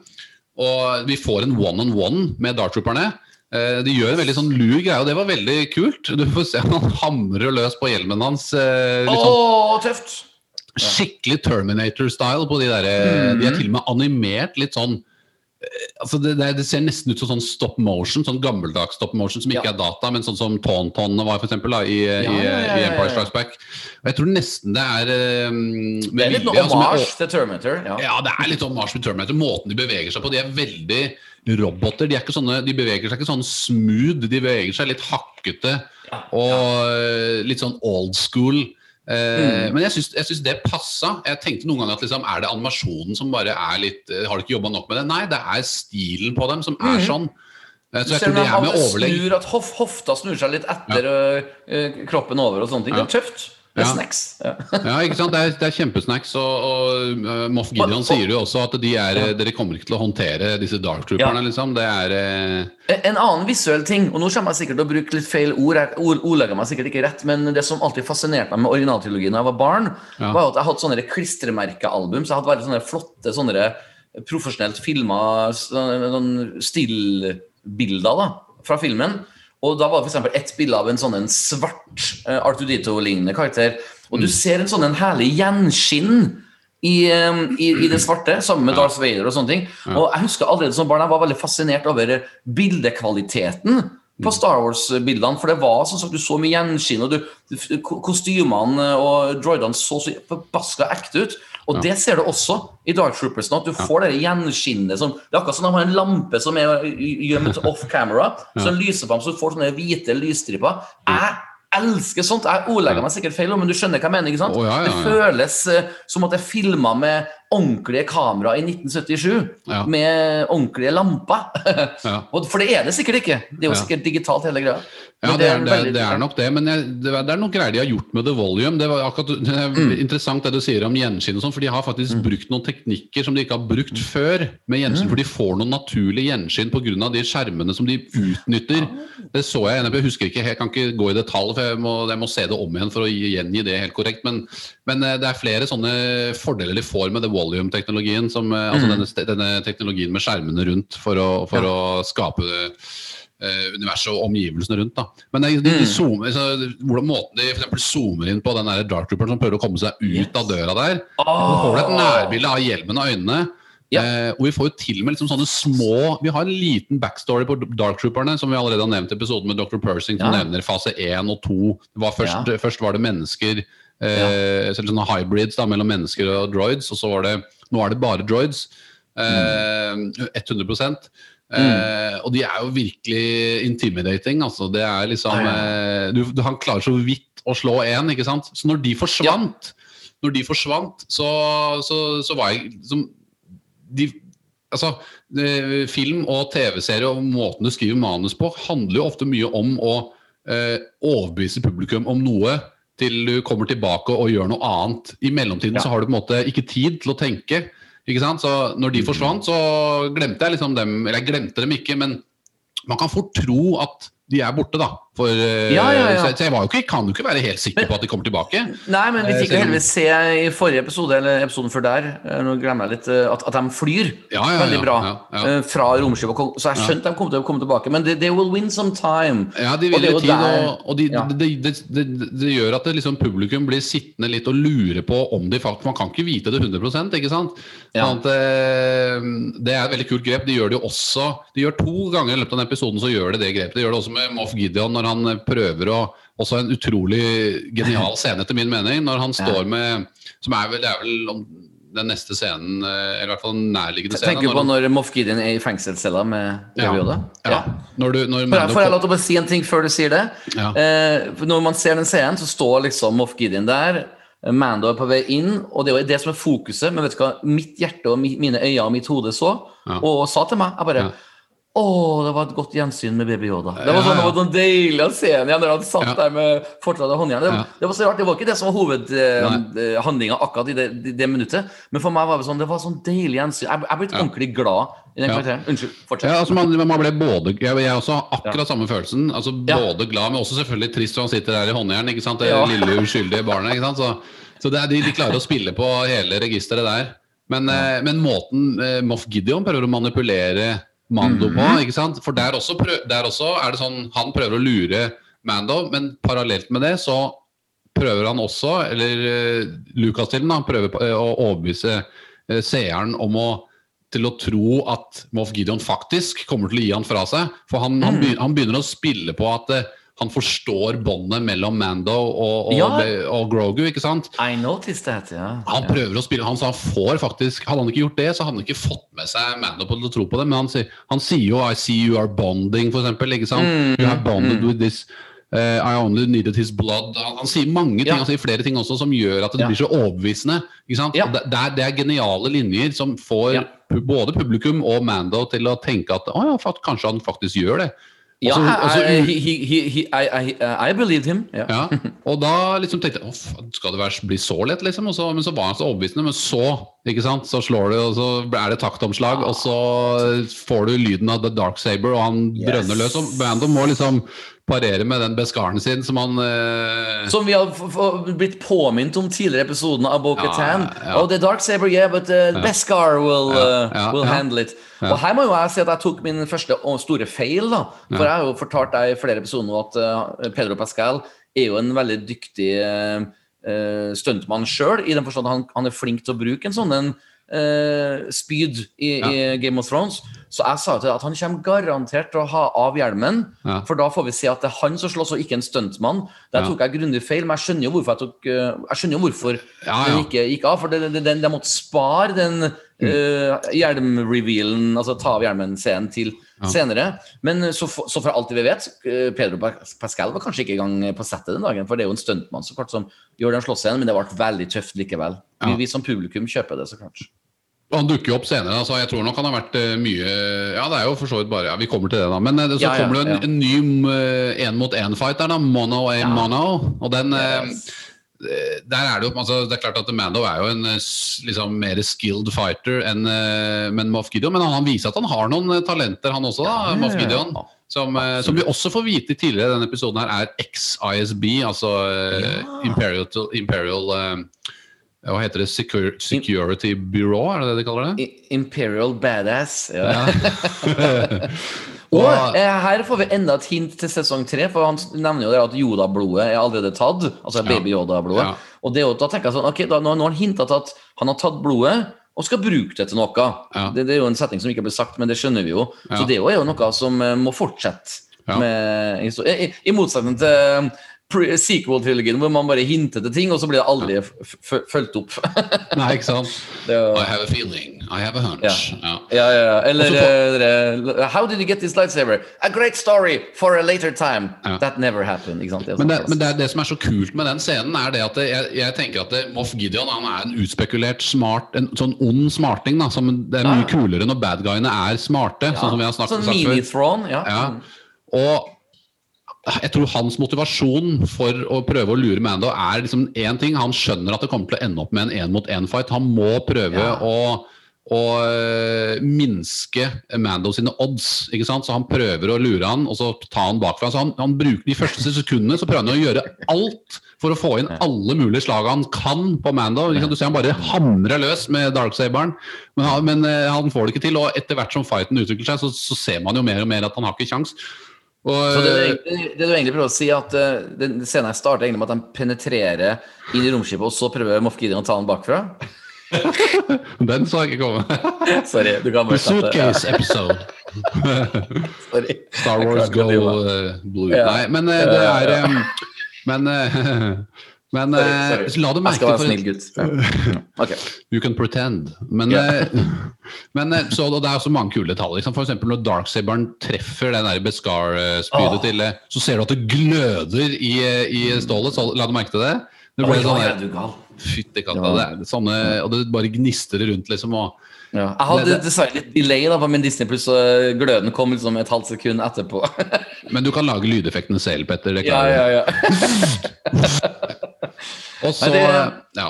ja. Og så prøver han jo allerede da så begynner han jo også å manipulere i forhold til Når han har tapt den fighten, så er det vel da ja. Moff Gideon sier at Bo-Katan uh, hun trenger denne It must be won in a battle. ja, Ja, det, det sier han senere, men akkurat der så Ja. sier han vel at Bo-Katan er vel på bridgen nå, og hun er ja, ute etter Darksaberen. Det er Allerede der så begynner han liksom å prøve å manipulere videre og sette de opp mot hverandre. da. Så Mm. Ja. han, han har mye kunnskap om Mandalorian-kultur da, og bruker alt det for hva det er verdt. Så Ja, for at, uh, han, han han sjøl har jo vunnet The Dark Saber i en battle. For det er eneste måten man kan uh, bære den. Så uh, det er det er det som har skjedd, vet du, at han har Ja. vunnet den sikkert i en battle, kanskje. Altså, Vi vet jo ikke det, men Jo, jo, for ellers så vil ikke den ha samme effekt. Og det er det som er også litt Nok, nok en gang en sånn sesong tre-snacks, liksom. For uh, Mando sier sånn I yield, it's yours. No, no, no, no, no, no, no. you must win it, liksom. Fair and square, liksom. Ja. Dark Saber, altså. It must be won in a battle. Og, um, og, og det, er jo, det er jo her um, Man får nok et hint at, at sesong tre vil handle veldig mye om Mandalore og Dark Saber. Og, Ja. og, og, og, som sagt, Bob, både Boba Fett og Mando og Bo-Katan. Altså, det, det blir sånn én sånn en um, Det blir én sånn en uh, Mandalorian-hjelmserie. Sesong tre, eller da Å ja, ja. Det, ja. ja. Absolutt. Altså, vi har ikke sett det siste av dem, det er i hvert fall helt sikkert. Nei. Og så kommer vi jo til den eh, scenen på bridgen. Som også Ja. er eh, liksom, de bare kom, Det er fortsatt de der damene å bare mose seg innover. Jeg elsker jo måten eh, Cara Dune og, Mm. og Fennec bare liksom eh, tar seg fremover. Det er, eh, det er en skikkelig girl power-scene, altså, Ja, spesielt når de kommer inn på bridgen der. Jeg er glad for det. Jeg er glad for at det kom flere damer. For at i de første tre filmene så var det jo bare Leia som var Ja. til- Og de, tilgjengelig. og de damene her er jo bare bra. Altså, jeg mener, eh, Min favoritt er kanskje Sasha Banks, egentlig. Jeg må, I hvert fall sånn, sånn Måten hun eh, beveger seg på fysisk, er så sinnssykt overbevisende. At, eh, hun er jo også wrestler, uh, sånn som, eh, Cara, sånn som Cara Dune er. da Eller hun Ja. glemte hva hun het. Men the, the Texas Girl. Men så, Knut Løksen, så er det jo altså slik at um, det blir banka på døra av Dark Troopers, og det blir en slags vibe på at um, Shit, hvordan skal vi klare å komme oss ut av det her? Det er veldig mange Dark Troopers utafor. Og jeg har sjøl tenkt sånn, ja, det er vel et vendepunkt som kommer nå, men hvis man slår opp i ordboka på ordet vendepunkt, så burde det egentlig vært bilde av uh, en X-Wing. Fordi tidenes vendepunkt i en TV-serie gjennom uh, TV-ens historie er jo uh, nå. Fordi jeg må bare si det rett ut, jeg, Knut, at når den X-Wingen landa Ja. Og vi hadde allerede blitt hinta på teaseren du vet, før eh, episoden starta, så ble det hinta til at uh, Baby Yoda hadde liksom Man fikk se igjen den scenen hvor han prøvde å kontakte Ja. jedi-riddere. Så da, da, jeg, jeg skjønte jo at det vil komme noen jedi-riddere her. Ja. Og uh, som jeg skrev på SMS til deg i går, jeg, jeg tipper at det er Ezra, men jeg håper at det er Luke. Og når den X-wingen kommer, så er det jo så klart ikke Ezra, for han har ikke X-wing. Eh, når en X-winger kommer, så er det jo ikke um, Samuel L. Jackson, for han hadde ikke X-wing. Uh, Quaigon Gin hadde ikke X-wing, han er for så vidt død, og Forsco, så han trenger ikke noe X-wing. Du, du skjønner hva jeg mener? Det, det går bare én vei, og så kommer det altså ut en mann i den kostymen som er min absolutt favorittkostyme i hele Star Wars-historien. Ja. Den svartkledde jedi-ridderen fra Return of Jedi. Og så kommer det et grønt lasersverd, og jeg må innrømme eh, at eh, jeg fikk frysninger, og jeg kjente jeg ble litt sånn Jeg ble litt eh, rørt, eh, og jeg ble litt fuktig i øynene, fordi at eh, på mange måter så er Return of Jedi min favoritt-Star Wars-film, og, og Luke er min favorittkarakter fra den filmen. Og ja, det er sånn Venta bare 37 år på en scene, liksom. Eh, hva, hva tenkte du?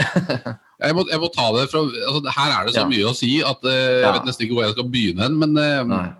Altså, for, for det første så har du nevnte Dark Troopers når de, for å ta det derfra. da altså når de Ja. banker- Men før det, og allerede oh, ja. da, når fordi de ser jo på en sånn skjerm på bridgen, Ja. så sier det 'incoming object', så skjønte jeg med en gang akkurat alle, Da skjønte jeg at vi kommer til å få en For at det, da var oddsene når Med en gang de kom tilbake, så skjønte jeg at da har de ikke kjangs. Da, da er oddsene mot dem. Men jeg skjønte at akkurat i det øyeblikket så skjønte jeg at det, nå, nå kommer det et vendepunkt i form av en eller annen karakter. Men jeg, Der har du ordet. men- Vendepunkt. ja, og jeg klarte, men jeg klarte fortsatt ikke å liksom tro helt på at i en TV-serie med de budsjettene de har, Ja. at, vi, at vi får det Selv om Mandalorian har et høyt budsjett. Men, Ja. men, men, eh, men, men når jeg da så den X-vingen, så da, bare, da fikk jeg eh, Altså, Jeg så Star Wars første gang da jeg var 12 år. 11-12 år, et eller annet sånn 10-11-12 år på kino. Mm. Og jeg har aldri hatt en mer sånn Altså, jeg skrek når den X-Wing-fanen kom. Jeg bare yeah! Altså, det var sånn, liksom. Og Linda var oppe og drev og rydda. Det, alt, alt annet var veldig sånn ordinært, det som skjedde rundt meg i livet. Men det som skjedde Ja. akkurat på skjermen da, det var Ja. bare den X-Wingen kom. Altså, han, har, han har hørt Grogus eh, kall. Det er jo tydeligvis han eh, Grogu har kommunisert med Ja. seg. Og det er jo så logisk at det er for at det, Ja, det er jo fem år etter Return of Jedi. ja. ja, og, og Luke Skywalker er fortsatt ung, og vi vet at han er i en fase hvor han på en måte leter etter Jedi-templer, og han leter, han leter etter, etter younglings for å bygge opp et nytt Jedi-tempel, eller en, ny Jedi-orden. eh, og trene opp nye- youngling he's gonna Ja. find. Ja. ja, ikke sant? Så det, det, det er så mye logikk, det er så mye som tilsier at det passer for Luke Skywalker å, å, å dukke opp. Ezra hadde vært vanskelig å bare cramme inn her, for at han Ja. er jo borte. ikke sant? Og Ja. i, The Outer Rim, og det, hadde han plutselig bare kommet, så er det for mange som ikke hadde skjønt noe. Du skal få lov til å fortsette, men jeg må bare si at hadde Ezra kommet, noe som jeg ikke hadde håpa på, så klart, Ja. eh, så vil jeg gå så langt og si at godt over 80% av de mange mange millioner i verden over som har sett da på denne episoden, her, Ja. ikke har hatt peiling på hvem det var. Ja. Så her har Lucasfilm gjort det helt rette. For. Folk flest har jo sett originaltrilogifilmene, og da må man bare This is fanservice in the most beautiful way. Ja, ja det, det, det er jo det. ikke sant? Og eh, det er helt opplagt at, eh, at eh, som jeg sa, at Grogu har Når han satt på på den steinen, så har jo han fått kontakt med, med Luke Skywalker på, på et eller annet vis. Det er til og med noen som sier at det, i den episode seks så kan du se en person i bakgrunnen som står ved siden av Grogu. Det er så, det er så langt bak at du må liksom Det er bare sånn prikk. Som, en måsaprikk, holdt jeg på å si. Som står oppå toppen av det derre Titan-tempelet der når du ser Mando i, fronten her og Bobafett på siden her, så kan du se det. Det er jo veldig far-fetched, men, men eh, det kan jo f.eks. være et hologram ikke sant? av at man har liksom prosjisert, eh, projected av han, han selv bort der. Da. Så, så det, er, det er jo meget mulig. Uh, så han uh, det, det er liksom Det er Luke Skywalker, det er liksom galaksens største helt. Det er klart at han han vil jo eh, lytte til et kall fra en, et uskyldig Ja, ja, ja, Og Du ser det jo med en gang romskipet Med en gang han entrer lightcruiseren, eh, Luke Skywalker, så får du et lite nærbilde av Grogu hvor han reagerer litt. da, Hvor hodet hans liksom løfter seg og liksom Ja. Du merker med en gang Da skjønte jeg med en gang at denne episoden her kommer til å slutte med at, eh, at eh, ja.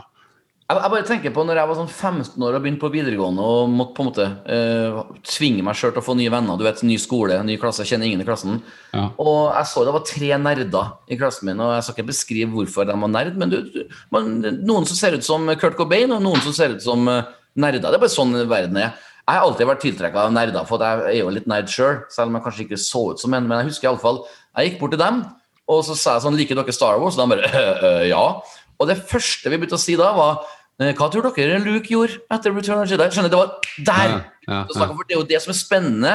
Og nå, på en måte 30 år senere, så får, jeg faktisk svar på det vi lurer på. Det var, sånn, det var, det var sånn starting point. Hva, hva skal vi snakke om Star Wars? Nei, vi må jo snakke om eh, hvordan det går med Luke. Og jeg husker ene gutten sa sånn Nei, han ble sammen med Mary Jade, jeg har lest boka og. Jeg Wow, wow, wow, her var det mye info, liksom. Men Ja. tell me more!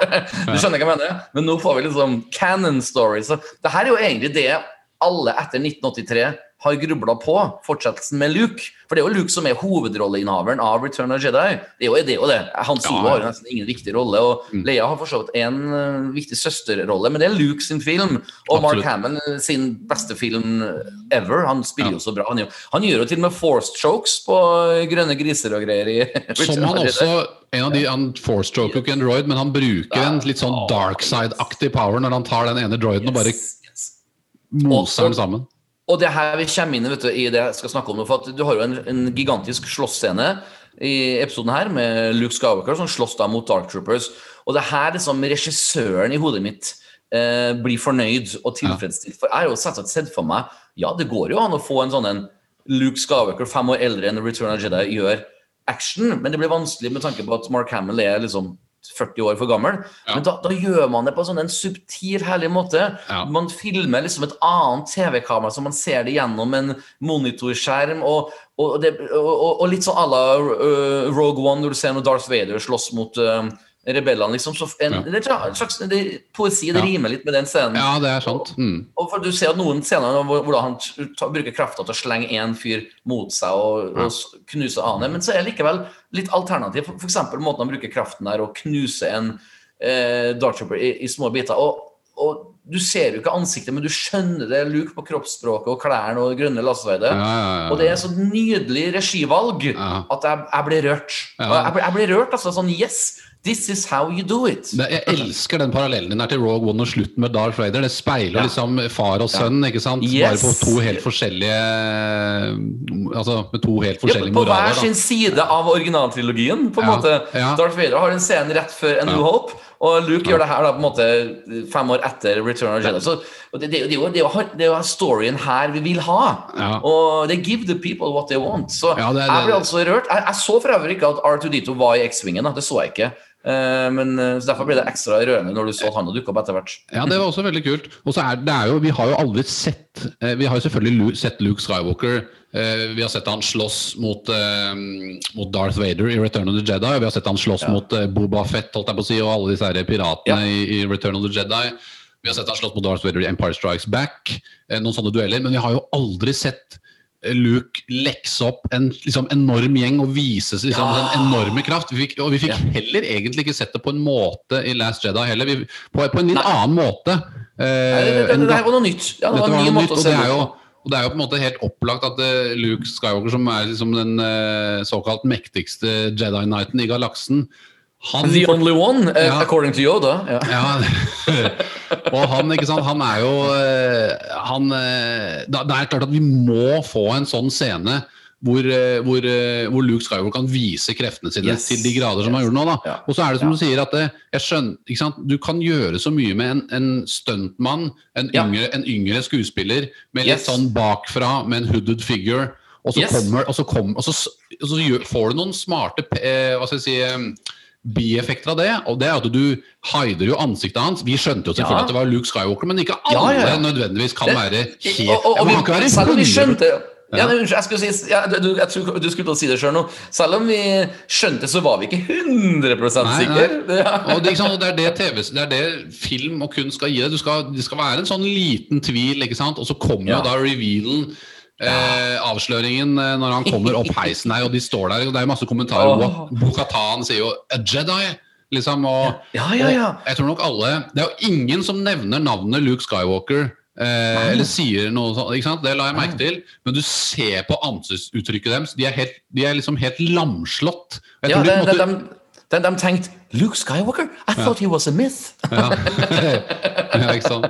Ray, sa- ja. ja, ja. Men, men ansiktsuttrykkene på alle, alle skuespillerne og alle karakterene var, var ubetalelig bra. For at det, det, det sa noe om hva som Jeg tror det foregikk liksom så mye oppi hodet deres. Jeg tror nok Ja. de fleste, mange av dem, visst skjønte at det var Luke Skywalker, men de var helt liksom De var helt lamslått, liksom. Jeg kan se Og- hva de skuespillerne Jeg bare gledet seg til å dra på filmsettet den dagen for å spille inn en scene. For de visste hva som skulle skje. Ja. Du, eh, ansiktsuttrykk var et veldig bra nøkkelord her. For at, nå skal jeg si noe før du sier det. Ja, ja. Og det at uh, det vil garantert uh, i løpet av noen timer, i løpet av noen dager, være en debatt på Facebook, på forumer, uh, internett og all over place, og angående ansiktsuttrykket til Luke Skywalker, altså Mark Hamill, som er de-aged. Jeg og du snakka for øvrig om det for noen podkaster siden. Jeg sa at en- min, min frysningsscene i The, The, The Rise of Skywalker er jo når du ser Luke og Leia Ja. øve på å bli Jedi, for du ser disse fjesene. og Vi om det, det kan jo være mulig. Vi har jo faktisk uh, foreseen this. Vi sa jo at det her kan jo Hva skje. sa jeg? Hva sa jeg? Da, Hva sa jeg? jeg mener at du da sa at uh, kanskje det blir litt for dyrt å produsere en sånn type CGI for en TV-serie. Var det det du sa? Ja, jeg, jeg, jeg sa vel det at de kan de-age han, men mm. det er dyrt å gjøre det. Men, eh. Ja, men, ja. men, men du kan, når du liksom kombinerer det med å filme folk bakfra, bruke stuntmenn, bruke Yes. masse av tiden på Ja. For da sparer du masse penger, så kan du spare det til noen øyeblikk. Ja, for det jeg skulle i hvert fall si, da, at uh, det vil bli en debatt om uh, den CGI-kvaliteten var bra nok.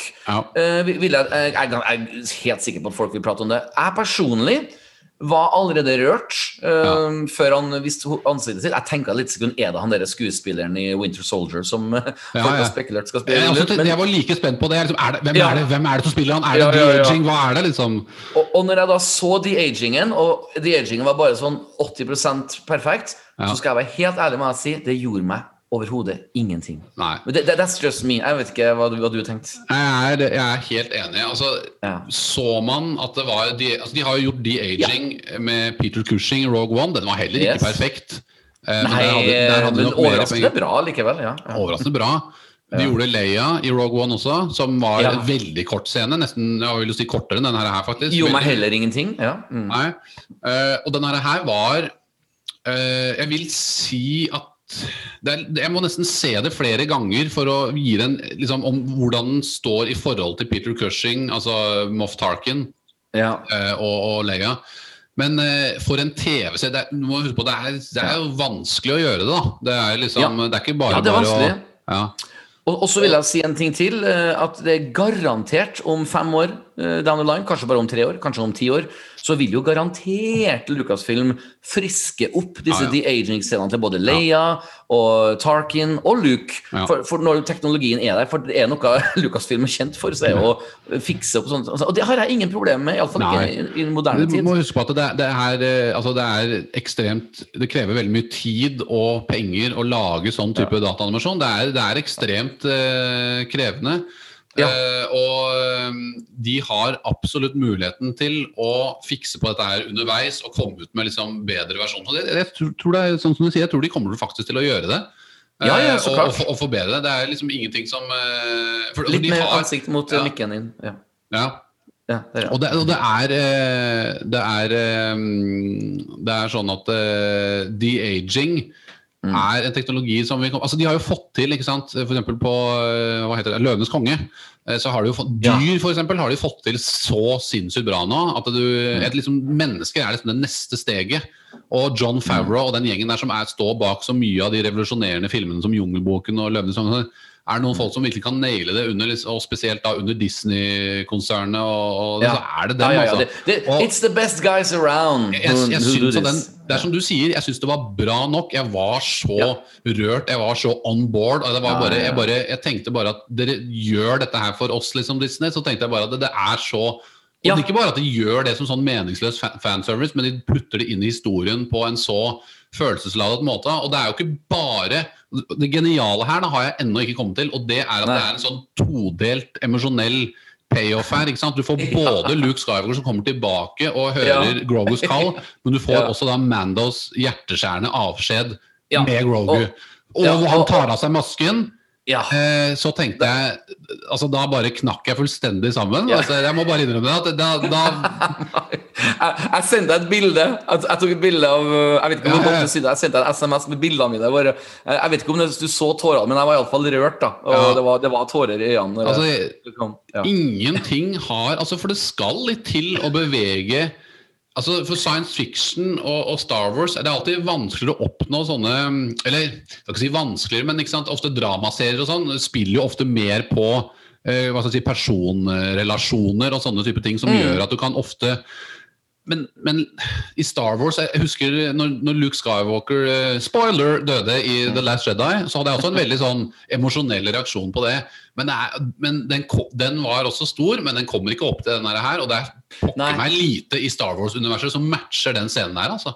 Jeg, jeg, jeg er jo- så klart enig. Og du kan gå tilbake til Dagobah i Empire Strikes Back, hvor, som er, er veldig, veldig, veldig Som skuespiller og teatermann sjøl, så jeg er så fascinert over hvor flink Mark Hamill er på planeten Dagobah å spille mot en dukke. Ja, og det ja. er jo troverdig hver eneste scene. Først er Yoda sånn tulling, tulling, og så plutselig blir han the wise one. ikke sant? Og Luke spiller, altså Mark Hamill spiller så respektfullt mot den uh, dukka. Ja. Og det er en av mine favorittscener i Star Wars. Punktum. Og det å nå se da Jeg ble nesten rørt bare jeg snakker om det. Å se Mando ta av hjelmen og smile til en eh, til Grogu. Ja. Og jeg kjenner på de samme scenene at eh, altså, eh, Pedro Pascal er en terningkast seks-skuespiller, ferdig Ja. snakka. Ja, Og når han da titter ned på en dukka, og dukka titter tilbake, og jeg sitter her som en voksen mann og blir rørt ja. That's just art. Um, jeg, må, jo bare si, bare for å ødelegge litt den- the moment her, da bare for å, at, Og her er litt sånn, kanskje litt teit av meg å si, men jeg, står for det. Ja, Det vil si at John Favreau en latterlig smart produsent og ikke minst historieforteller og, og manuskriptforfatter i The Mandalorian, men det, her, her er sånn 100 garantert eh, John Favreau sin idé. Det må liksom få Luke inn og få til denne adjøscenen Hadde f.eks. kun Dave Filoni vært sjef for hele det greia, her, så har han, har han tatt inn Ezra istedenfor at det er mer rett til historien. Men, Ja. men John Favreau tenker større. Han tenker å nå et større publikum. Eh, det, Felona har liksom kun fokusert på Clone Wars-publikum.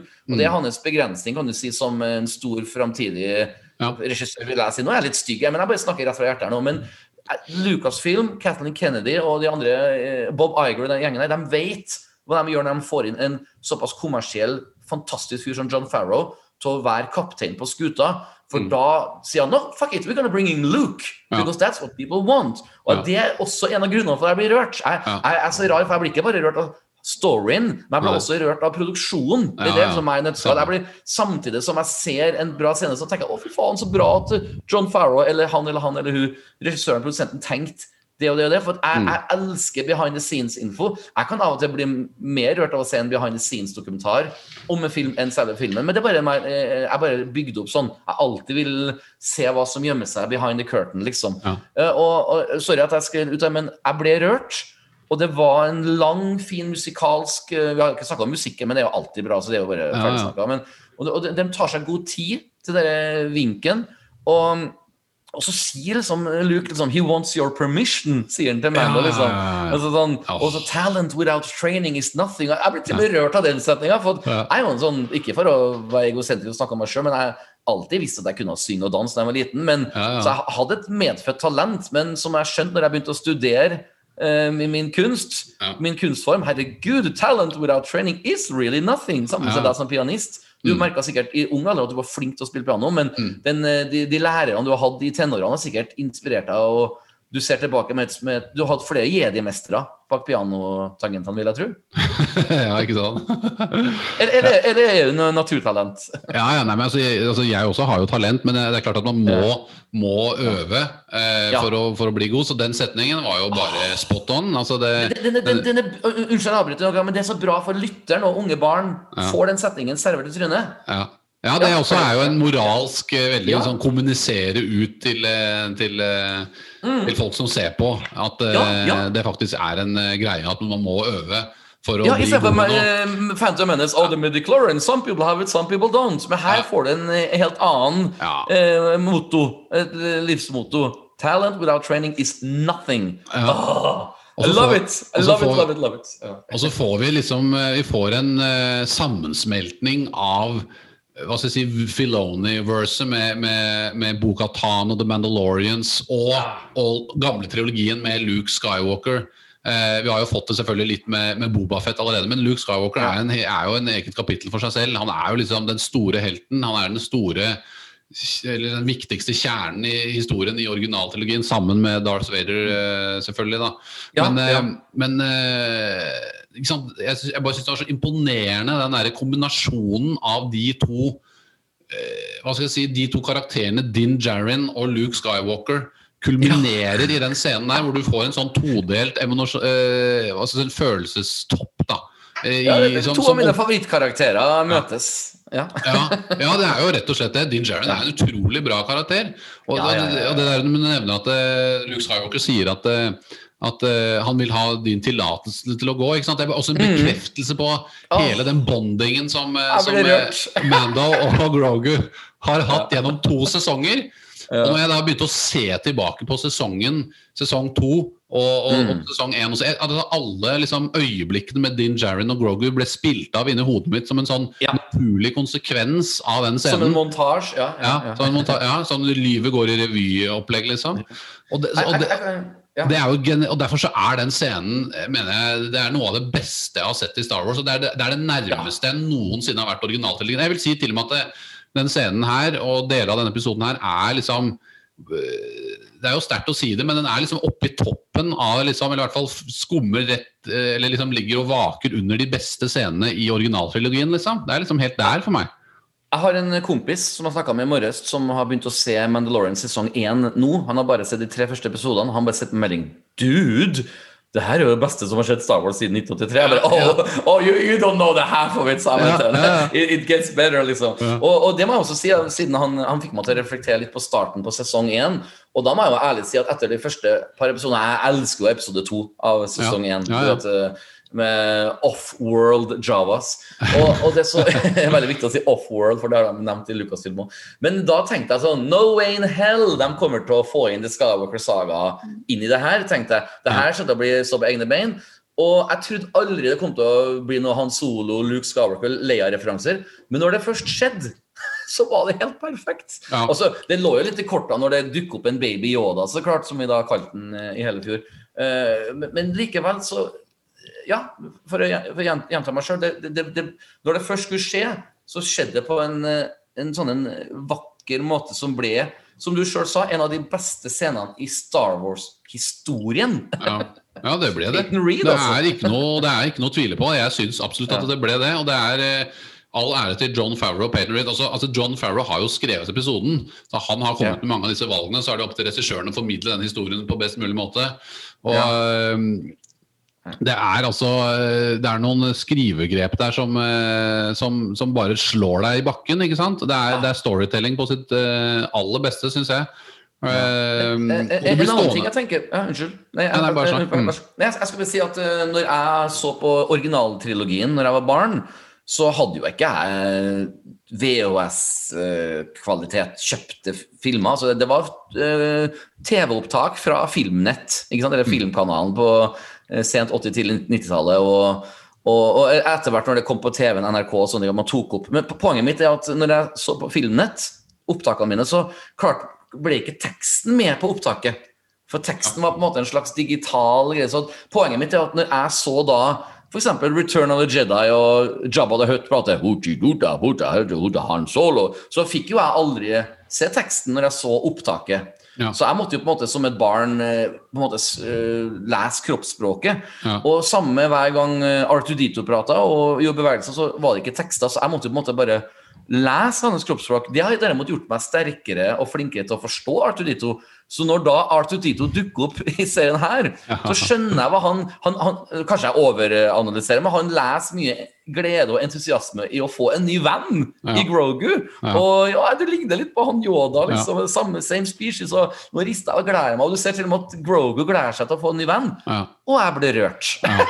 ja, jeg ble rørt, jeg også. Det var, det var en kjempescene. Altså, som får Ja. en ny lekekamerat. Og Luke Skywalker er eh, ute i galaksen og, og leter Ja. etter eh, å bygge opp Jedi-orden. Det er jo dette her, det dette her handler om. Det er sånn dette her spiller inn i en litt større narrative på en måte i, i sequel og, og originaltrilogien. Um, altså, jeg var jo, når, når jeg så den X-svingen komme, det, det var nesten Ah. det, altså det, det, Den begynnelsen på den sekvensen også, det var, det, var, det var noe med den X-svingen. For den X-svingen også er så ikonisk. Den der Luke Ja. Skywalker X-svingen, når den kommer aleine der, liksom. Jeg har den, jeg har den som leke. Og, og, og, så, og så En annen ting som var veldig tøft også, var jo når, når Luke Skywalker kommer inn i skipet, så ser du at alle Dark Trooperne snur seg. Ja, um, ja. Nesten simultant. Ja. Fordi de, Det var akkurat som jeg fikk en liten sånn følelse at det har de en eller annen slags sånn innebygd droid-funksjon. At de skjønner at det er en Jedi som kommer til å vite at det er droids fra altså prequel-æraen. da Ja, Det var jo masse slåssing mot Jedis og sånn den gangen. da. Det var akkurat som de liksom skjønte at det, her var det en større trussel, så de alle måtte liksom snu seg mot den. da Ja, det, det var en veldig bra teori. Jeg tenkte ikke så langt. Jeg bare tenkte at nå registrerer jeg meg at eh, den veggen, altså den døra som eh, skal slå gjennom, Ja. det blir pri to, for nå merker vi en trussel bak oss. Men Ja. ja, kanskje jeg sen- sensa en Jedi-trussel, ja. Ja, det, jeg hadde litt Ja. følelsen av at dette var en slags sånn gammel programmering som lå bygd inni de Dark Trooperne, som slo inn. Det var liksom den feelingen jeg fikk, da. Eh. Ja. og det synes, Om det var det eller ikke, så var det i hvert fall det inni mitt hode, og det var jo utrolig tøft. da og det, Ja, det Ofte ting som man skaper seg selv inni hodet, er er jo bare ting som, som, eh, som adder, liksom, som legger til enda Ja. mer glede og lidenskap i det. så Ja, virkelig, Så- altså. Men det, det her er sånne ting vi kan prate om i timevis. Altså. Vi har også en uh, post credit-scene som vi allerede har hinta mye til. ja, ja. Eh, Kort forklart, det er altså Bobafett som eh, Jeg husker dessverre ikke navnet på han nestsjefen til Jabba the Hutt, men jeg husker veldig godt på han i Return of Jedi. He's no Jedi, som Ja. sier om Luke Skywalker. Ja, ja. Eh, han har blitt feit. Han har blitt tjukk. Fått, fått på seg litt uh, Boba Fett. Han har spist opp alle de der Salacious B-crumbene som lå bak i Exactly. fryseren der. Ja, men det, det var søt. Jeg, jeg til og med forutså at hun um, Twi'lek-danseren kom til å bli fridd. eller, Altså befridd. Jeg, jeg, jeg skjønte når eh, hun bare sikta på Hun bare, okay, hun skal Men har hun stått der og dansa i fem år, liksom? tenkte jeg. Eh, det, det, ja, det, men det, det, Ja.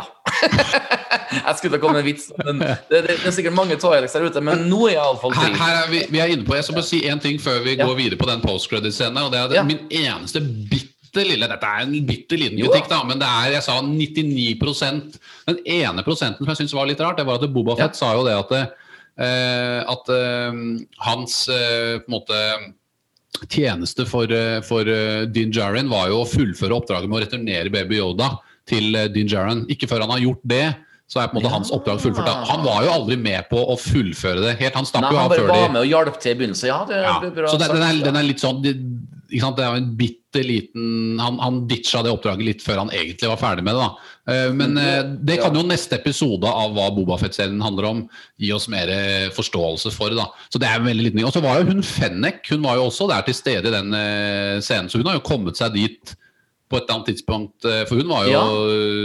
hun var jo ikke Så vi må jo litt fram i tid her, da. Ja, og det, det er noen småfeil, sånn som forrige episode. Du vet når han Mando skal ha dere Må vise fram fjeset sitt for å åpne dere access all sensitive data. Så var det bare sånn Å ja, du, du har et fjes, ja. Men det, det var alltid vi sjekka. Ja, ja, ja. det, det, det, Det holder at du har et ansikt, liksom. Det holder at du har et ansikt, så skal du få den sensitive Ja. informasjonen her. Og den er jo egentlig ekstremt dårlig, den scenen der, eh, Ja. dessverre, når jeg tenker på ettertid. Jeg gru- grubla på det der og da, men da, da hadde jeg mer et spørsmålstegn. Men nå, nå som jeg har sovet litt på det en uke, så er jeg bare That's just Ja, det, det, kan forsvares med at når du allerede har kommet deg så langt inn i bygningen, stemmer. så er du på en måte forbi en del sånn eh, Ja, det clearance. det måte, du har blitt klarert, liksom. Så, så, ja, så det, Ja. det var nå den uh, greia, da. Men eh, ja, det var en litt iffy greie, det hele der, da. Men, uh, men den scenen med men- Boba men for Fett er jo noen Altså, Fennek har kommet seg dit og møtt Boba Fett, så det er klart at vi må, og han har jo rustningen sitt, så det er ikke pre uh, Eller faktisk, hadde han Han hadde den nye rustningen sin, Boba Fett, i den Eh, Uh, yes, yes, sir. Yes, sir. Hvis han hadde hatt den gamle, så kunne det ha vært en tidligere scene. liksom, En flashback et, rett etter at han kommet seg ut av Sardak-pitten. eller annet sånt, Men Ikke det var det jo ikke. Det var det ikke. Hvor, hvor gjorde de av Dr. Pershing, forresten? Slapp de å være fri, eller? Nei, jeg også tenkte på det, Hvor det ble av Dr. Pershing. Jeg tror han bare Ja. satt igjen på den Lambda-shuttlen. Jeg, jeg, jeg- vil tro det også. Legg merke til en liten Eh, detalj jeg la merke til på Dr. Pershing. Legg merke på, Har du lagt merke til øret hans? Nei. Hang meg hans. mye opp i solbrillene. Ja! Ja, for Når Cara Dune blaster han er piloten i begynnelsen der, ja! Og så ser du i en dialogscene eh, noen eh, sekunder eller minutter senere, så ser du at øret hans er svart, har fått et svært høl nederst på, nederst eh, på øret. Ja, ja, se Det så jeg ikke, men jeg, jeg husker at han fikk vondt i øret av lyden liksom, på Ja. skytescenen i begynnelsen. Ja. Ja, ja, så Det er en her, kjempedetalj. Altså. Og det, det tror jeg var det- data, dataanimasjon. Jeg tror ikke det var noe Ah, makeup. Jeg tror det var Han, han var ikke skutt på ordentlig, liksom? Nei. Men Så- eh, Boba Fett tar over tronen da, til eh, Jabba's Palace. Ja, ja. Ex-Jabba's Palace. Det, det, er jo, det er jo en sånn drøm for blodfans av Boba da, at han tar over det. Det, det. ga ikke meg så mye wow, for jeg ville helst høre om hva som har skjedd de første fem årene. Ja. etter uh, Return Men jeg tror- men for all del. Ja. tror vi får flashbacks. Jeg tror vi får flashbacks.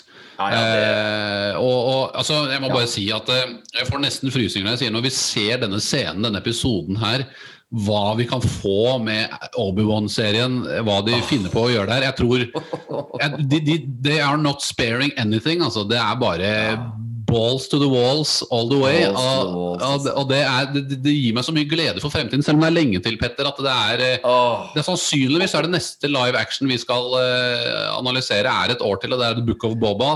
Eh, Ja, og, og jeg hørte rykter om at det, det er romjula. har jeg hørt rykter om. Ja, premiere, ja. ja. Så det er en limited series. Jeg synes Færre episoder og sånn, men jeg tror det kommer til å komme flashbacks. Og jeg tror det men det kommer til å ha, handle, ha handlingen i nåtid. Eh, Ja, ja, ja. Og forhåpentligvis Han er jo, i og med at vi har denne dialogen begyn- i begynnelsen av denne episoden her med med, med Bo-Katan og Sasha Banks om The Mandalorian-tronen og om klo, han er bare en klone. og De utfordrer han litt. Da, ikke sant? Mm. Så jeg tror at eh, Vi har nevnt liksom litt sånn Game of Thrones-aktig greie. Vi har Din Mm. Som kanskje, Han har jo The Dark Saber nå. Din Jarin har jo Dark Saberen. Uh, Ja. Og hvis But, but not den rightfully owner. Det var egentlig Mando som er the rightful owner. Ja, det er jeg sier. Din, din Ja. Har, har Dark Saber. Unnskyld, unnskyld, beklager. Jeg har hørt feil. Beklager. It's the same ja. person, Petter. Ja, It's the same person. Be beklager. beklager. Jeg skjønte. Det var eh, faktisk første gangen i vår podkast historie hvor jeg var ukonsentrert. ja, ja, ja.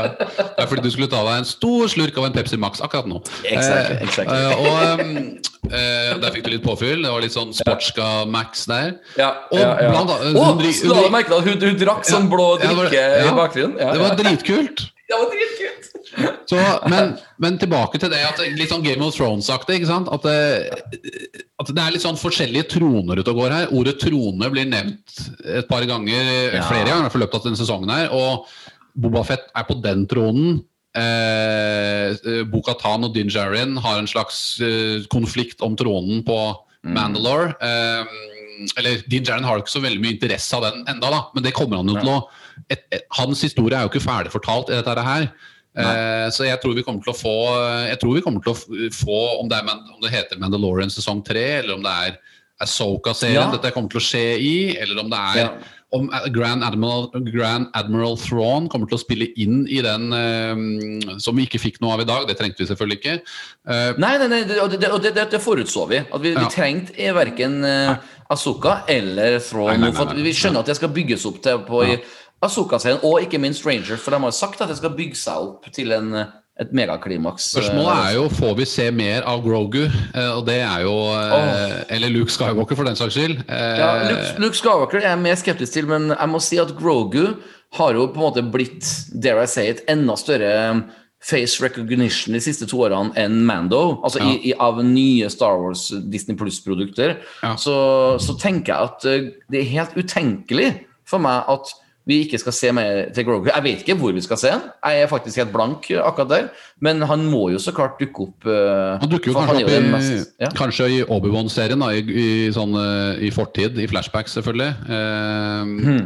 Men men eh, Nei, det er litt utenkelig også å se, men hans historie i denne serien virker jo å være fortalt. Sånn, som, fortalt. Sånn som vi Ja. spådde litt, grann, at på et eller annet tidspunkt så vil han levere tilbake, og da vil Ja. denne serien fortsatt i et litt annet gir, med et litt annet Ja. tema. Vi må jo huske på at eh, sesongen, nei, serien heter jo tross alt The Mandalorian.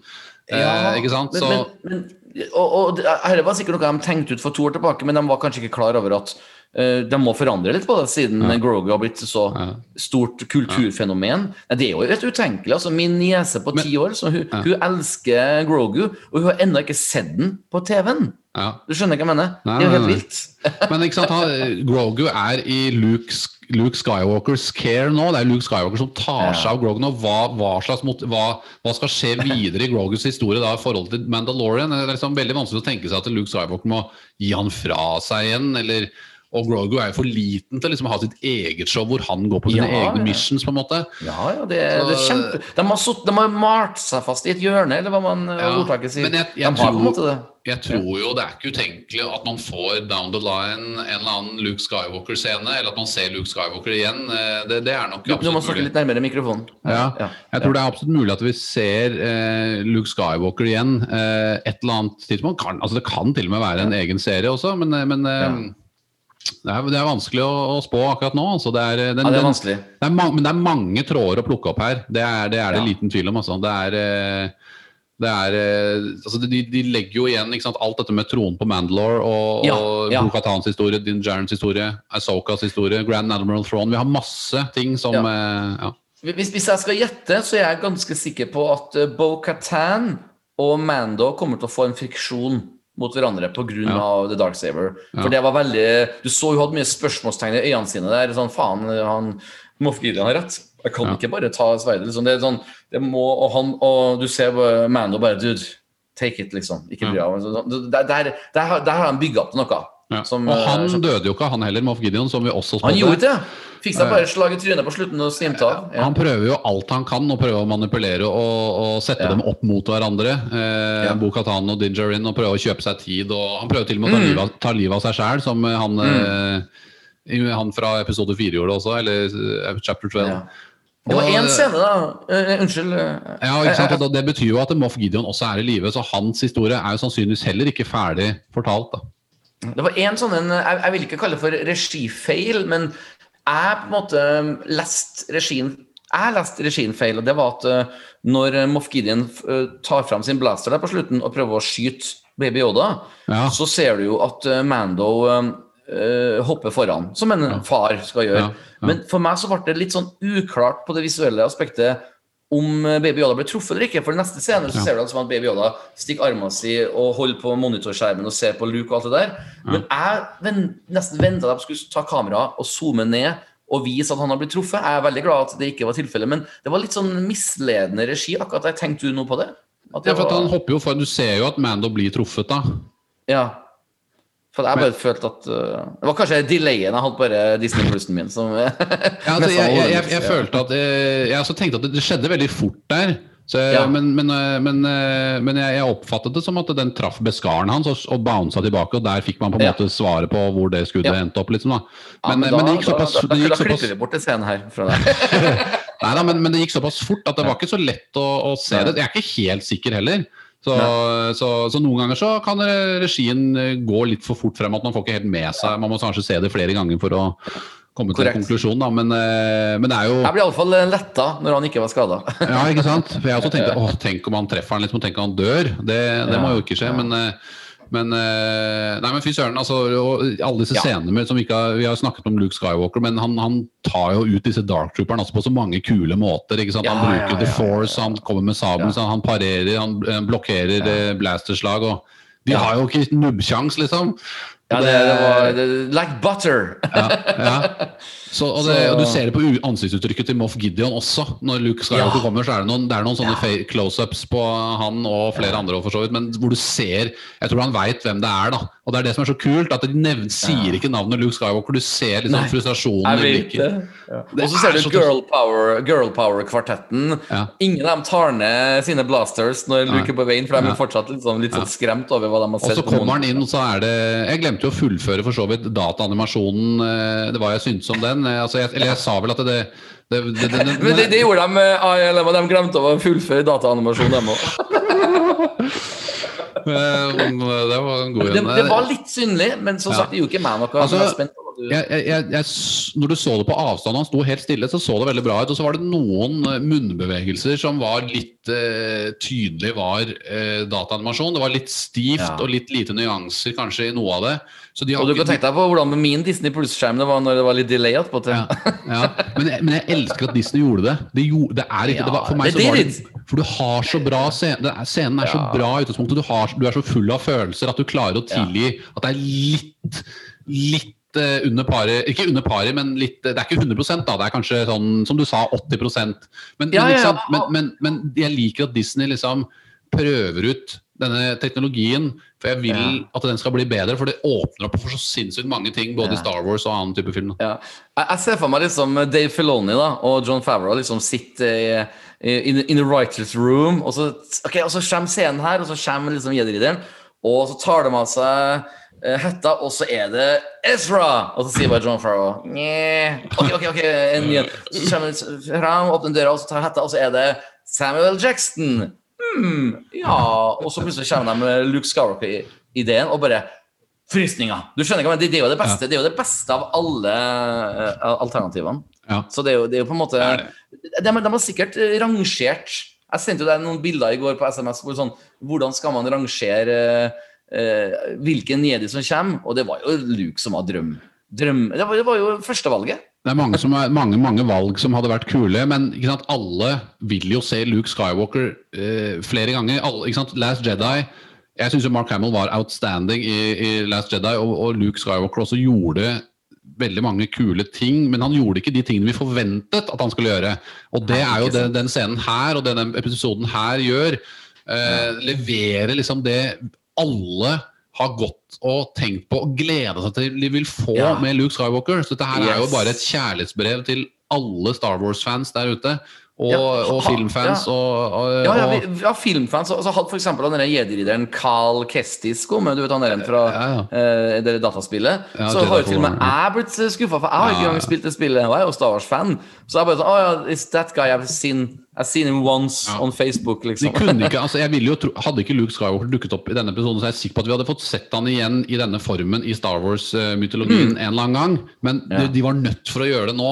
Eh, Ja, for den, den episoden sånn som storyen var fortalt, og hva som skjedde tidligere i sesongen med den eh, det eh, Jedi-tempelet på Titan og Titan. Så, Ja, altså, så var det noe For europeiske mennesker så er jo Disney Pluss fortsatt på sånn eh, jeg skulle si fødestadiet. Altså det er sånn et halvt år gammelt eh, streaming-service.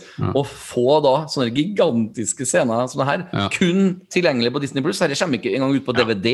Iallfall ikke i nærmeste framtid. Kanskje aldri, for alt jeg vet. Nei, Det- det på kan- fysisk så gjør det nok ikke det. Men eh, at du kan kjøpe det liksom sånn eh, enkeltvis digitalt, det vil jeg tippe at kanskje Disney kommer med etter hvert. Men Ja, nei, det, det, det, det, blir spennende om de bare holder seg steinhard på det. At du må Du får kun se det her på Disney Plus. Jeg har en følelse på at de kjører steinhardt på det. de kommer at, til å eh, gjøre det i lang tid, i hvert fall. Ja, Helt til de har world domination, og så Ja, ja. Men, jeg, eh, jeg ser jo på min DVD-hylle, min Star Wars-DVD-hylle, så savner jeg nå liksom Mandalorian sesong 1 og 2 på DVD. Men Ja, ja. Det det jeg får bare akseptere at vi lever i en tid hvor luft skal være i Det er noen trade-offer. altså Man får ikke ha det fysiske med det, men pokker, de har muligheten til å gi oss mye mer. Og mye Ja. bedre. og de, de, hvis de Global domination altså, ok, det er ikke, altså Jeg vil ikke at bare Disney skal eksistere i hele verden. Det må være konkurrenter, det er bra for forbrukerne, Mm. selvfølgelig. Men, men direkte til konsumentstrategien. Det gjør at du, når du, når du når, Hvis Disney får samme antall abonnenter som Netflix, noe jeg tror de kommer til å få garantert ja, i, I løpet av tre år så får Ja. de det. har de ja, ikke sant? Og da er det, det er noe med det innholdet vi får levert, mengden av ting. Vi Mm. hadde aldri fått det i, for ti år siden med, med den, hva skal kalle den gamle modellen. Uh, så det, det er, det er Du har jo helt rett. Så det er ja. Det- det- Du, du sa noe smart for noen episoder siden. Du sa at det er så mye mer Man assosierer ordet kvalitet mye mer med Disney Pluss enn med f.eks. Netflix. Så, Ja. Ta f.eks. WandaVision som kommer nå i januar, altså en Marvel-historie. Jeg har jo Ja.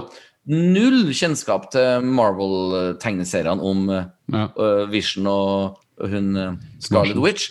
Men jeg vet at uh, Si f.eks. hver fredag klokken ti, da, hvis de lanserer de nye episodene. Jeg will bench. uh, Ja, ja, ja.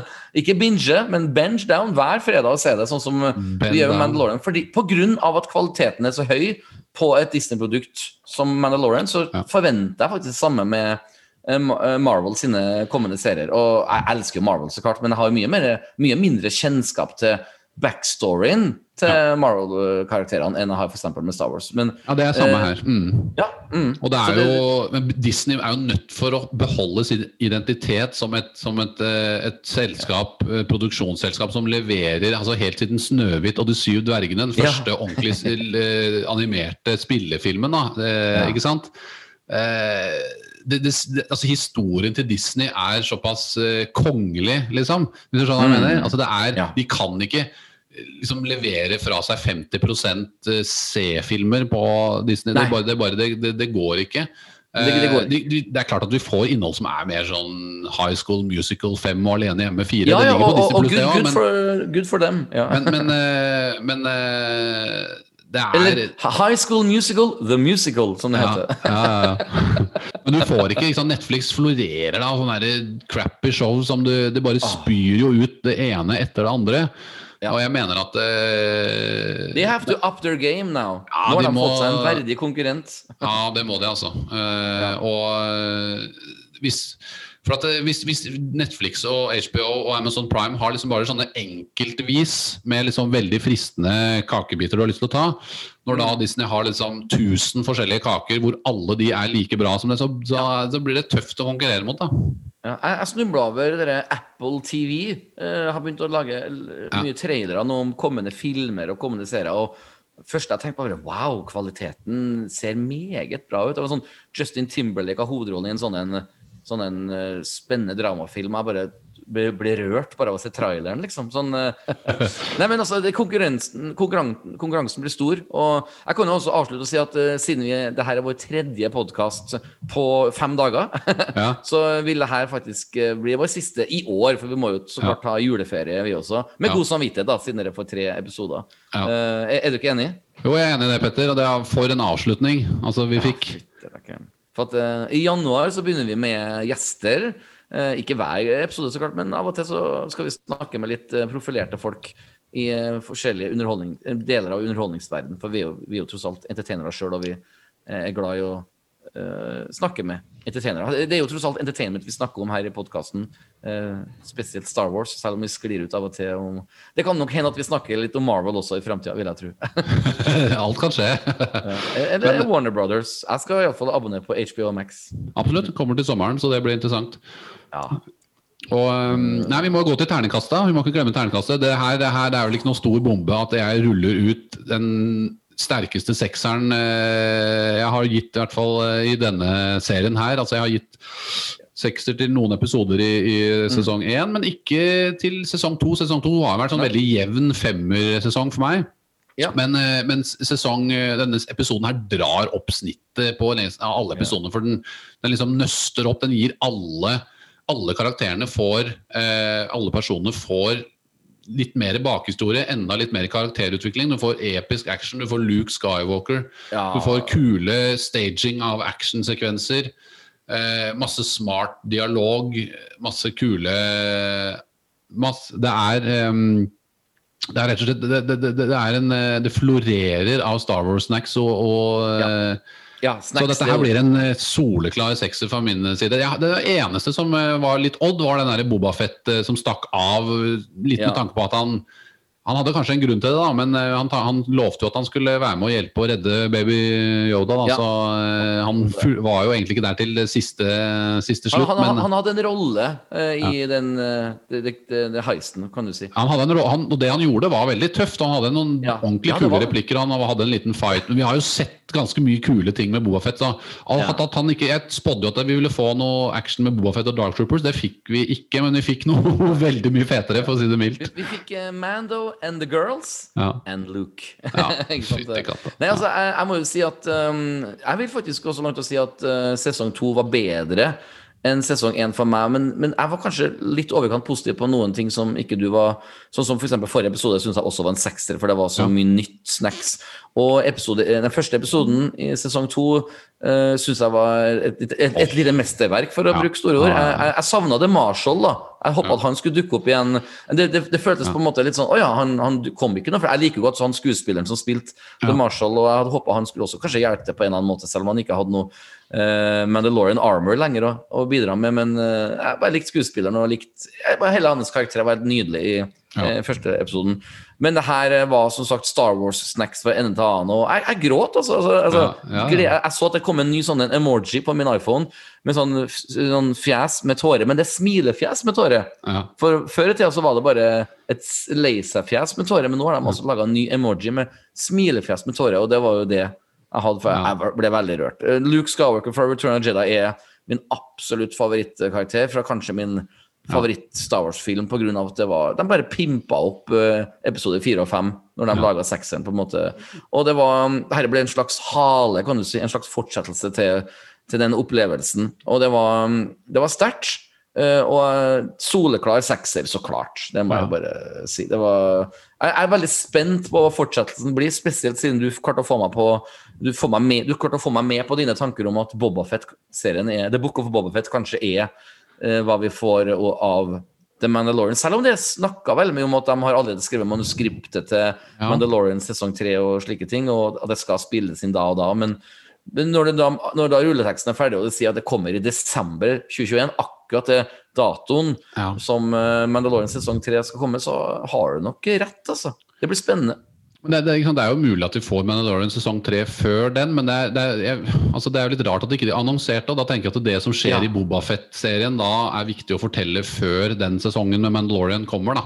Eller, Ja, for du så jo på den veggen, dere Hva skal jeg si, dere PowerPoint-presentasjonen Presentasjonen. til Lucasfilm, så var det jo ikke noe Mandalorian-logo ved siden av alle de andre tingene. Nei. Det var virkelig ikke altså, det var A Nei. Droid Story fikk mer plass Ja. enn Mandalorian. Og det, det, det, er, det, er noen, er, det er en grunn til det. Det er det en grunn Ja, en til. Så, grunn så, men eh, jeg tror ikke det er noen grunn til å, å, å eh, være trist og tenke at, det at disse karakterene er ferdige. Det, det, det er det ikke. Det, det, det nekter jeg å tro. Men Nei, virkelig, eh, Men eh, nei, fytti katta, for en episode. For en, Ja. eh, for en avslutning. For, for en, for en, en framtidsutsikt utsikt vi får av dette Mm. her. Med, De legger jo lista så høyt at uh, jeg gleder meg noe helt vanvittig til de neste seriene som uh, kommer. Så Det er bare at det er litt lenge til, men, uh, Det lenge til, ja. men det, jeg Jeg gleder jo- meg like mye som til når de kom på kino. Ja, ja, ja, ja, ja, ja, ja. Det, det, blir, det blir trist fredagene framover. Nå klokken, fredag klokken ti har blitt en sånn magisk tidspunkt ja. i åtte fredager på rad nå. Og det, det kommer jeg til å savne, Men tenk deg ikke sant, hvordan presset på For de skal ha jo annonsert to filmer. Ikke Ja. sant? Og det folk får servert hjemme i stua nå, er så bra at filmene Ja. kan ikke være Rise of Skywalker. Det må være. Mm. solid kvalitet på det. Eh, Og hvis det er så bra, så blir jo Og hvis filmene også spiller litt på ting som har skjedd i TV-seriene, Ja, eh, så eh, er det jo, vil det jo gi en vanvittig payoff, da. Jeg er iallfall helt sikker på at eh, både Rogue Squadron, eh, eh, Patty Jenkins-filmen, og Taika Waititi-filmen, altså de to kommende Starship-filmene, vil ha på en måte en slags standalone-vibe. Litt sånn Ja. a Star Wars-story-setting under, fordi at det er ikke noe sånn episode 10 eller episode 11. Eller, du vet, sånn, det, det er ikke noe sånn eh, Sagaen, Skywalker-sagaen, er over, selv om riktignok Luke Skywalker I hvert, hvert fall den Rogue Squadron-filmen. Den tror jeg kommer til å være litt sånn standalone, sånn som Rogue One. Men den Taika Ja, Waititi-filmen kan være mulig, har noe med High Republic, en slags saga Ja, ja, de skal fortelle der, da. Men det er ikke sikkert i det hele tatt. Men eh, Nei, nei, nei, nei.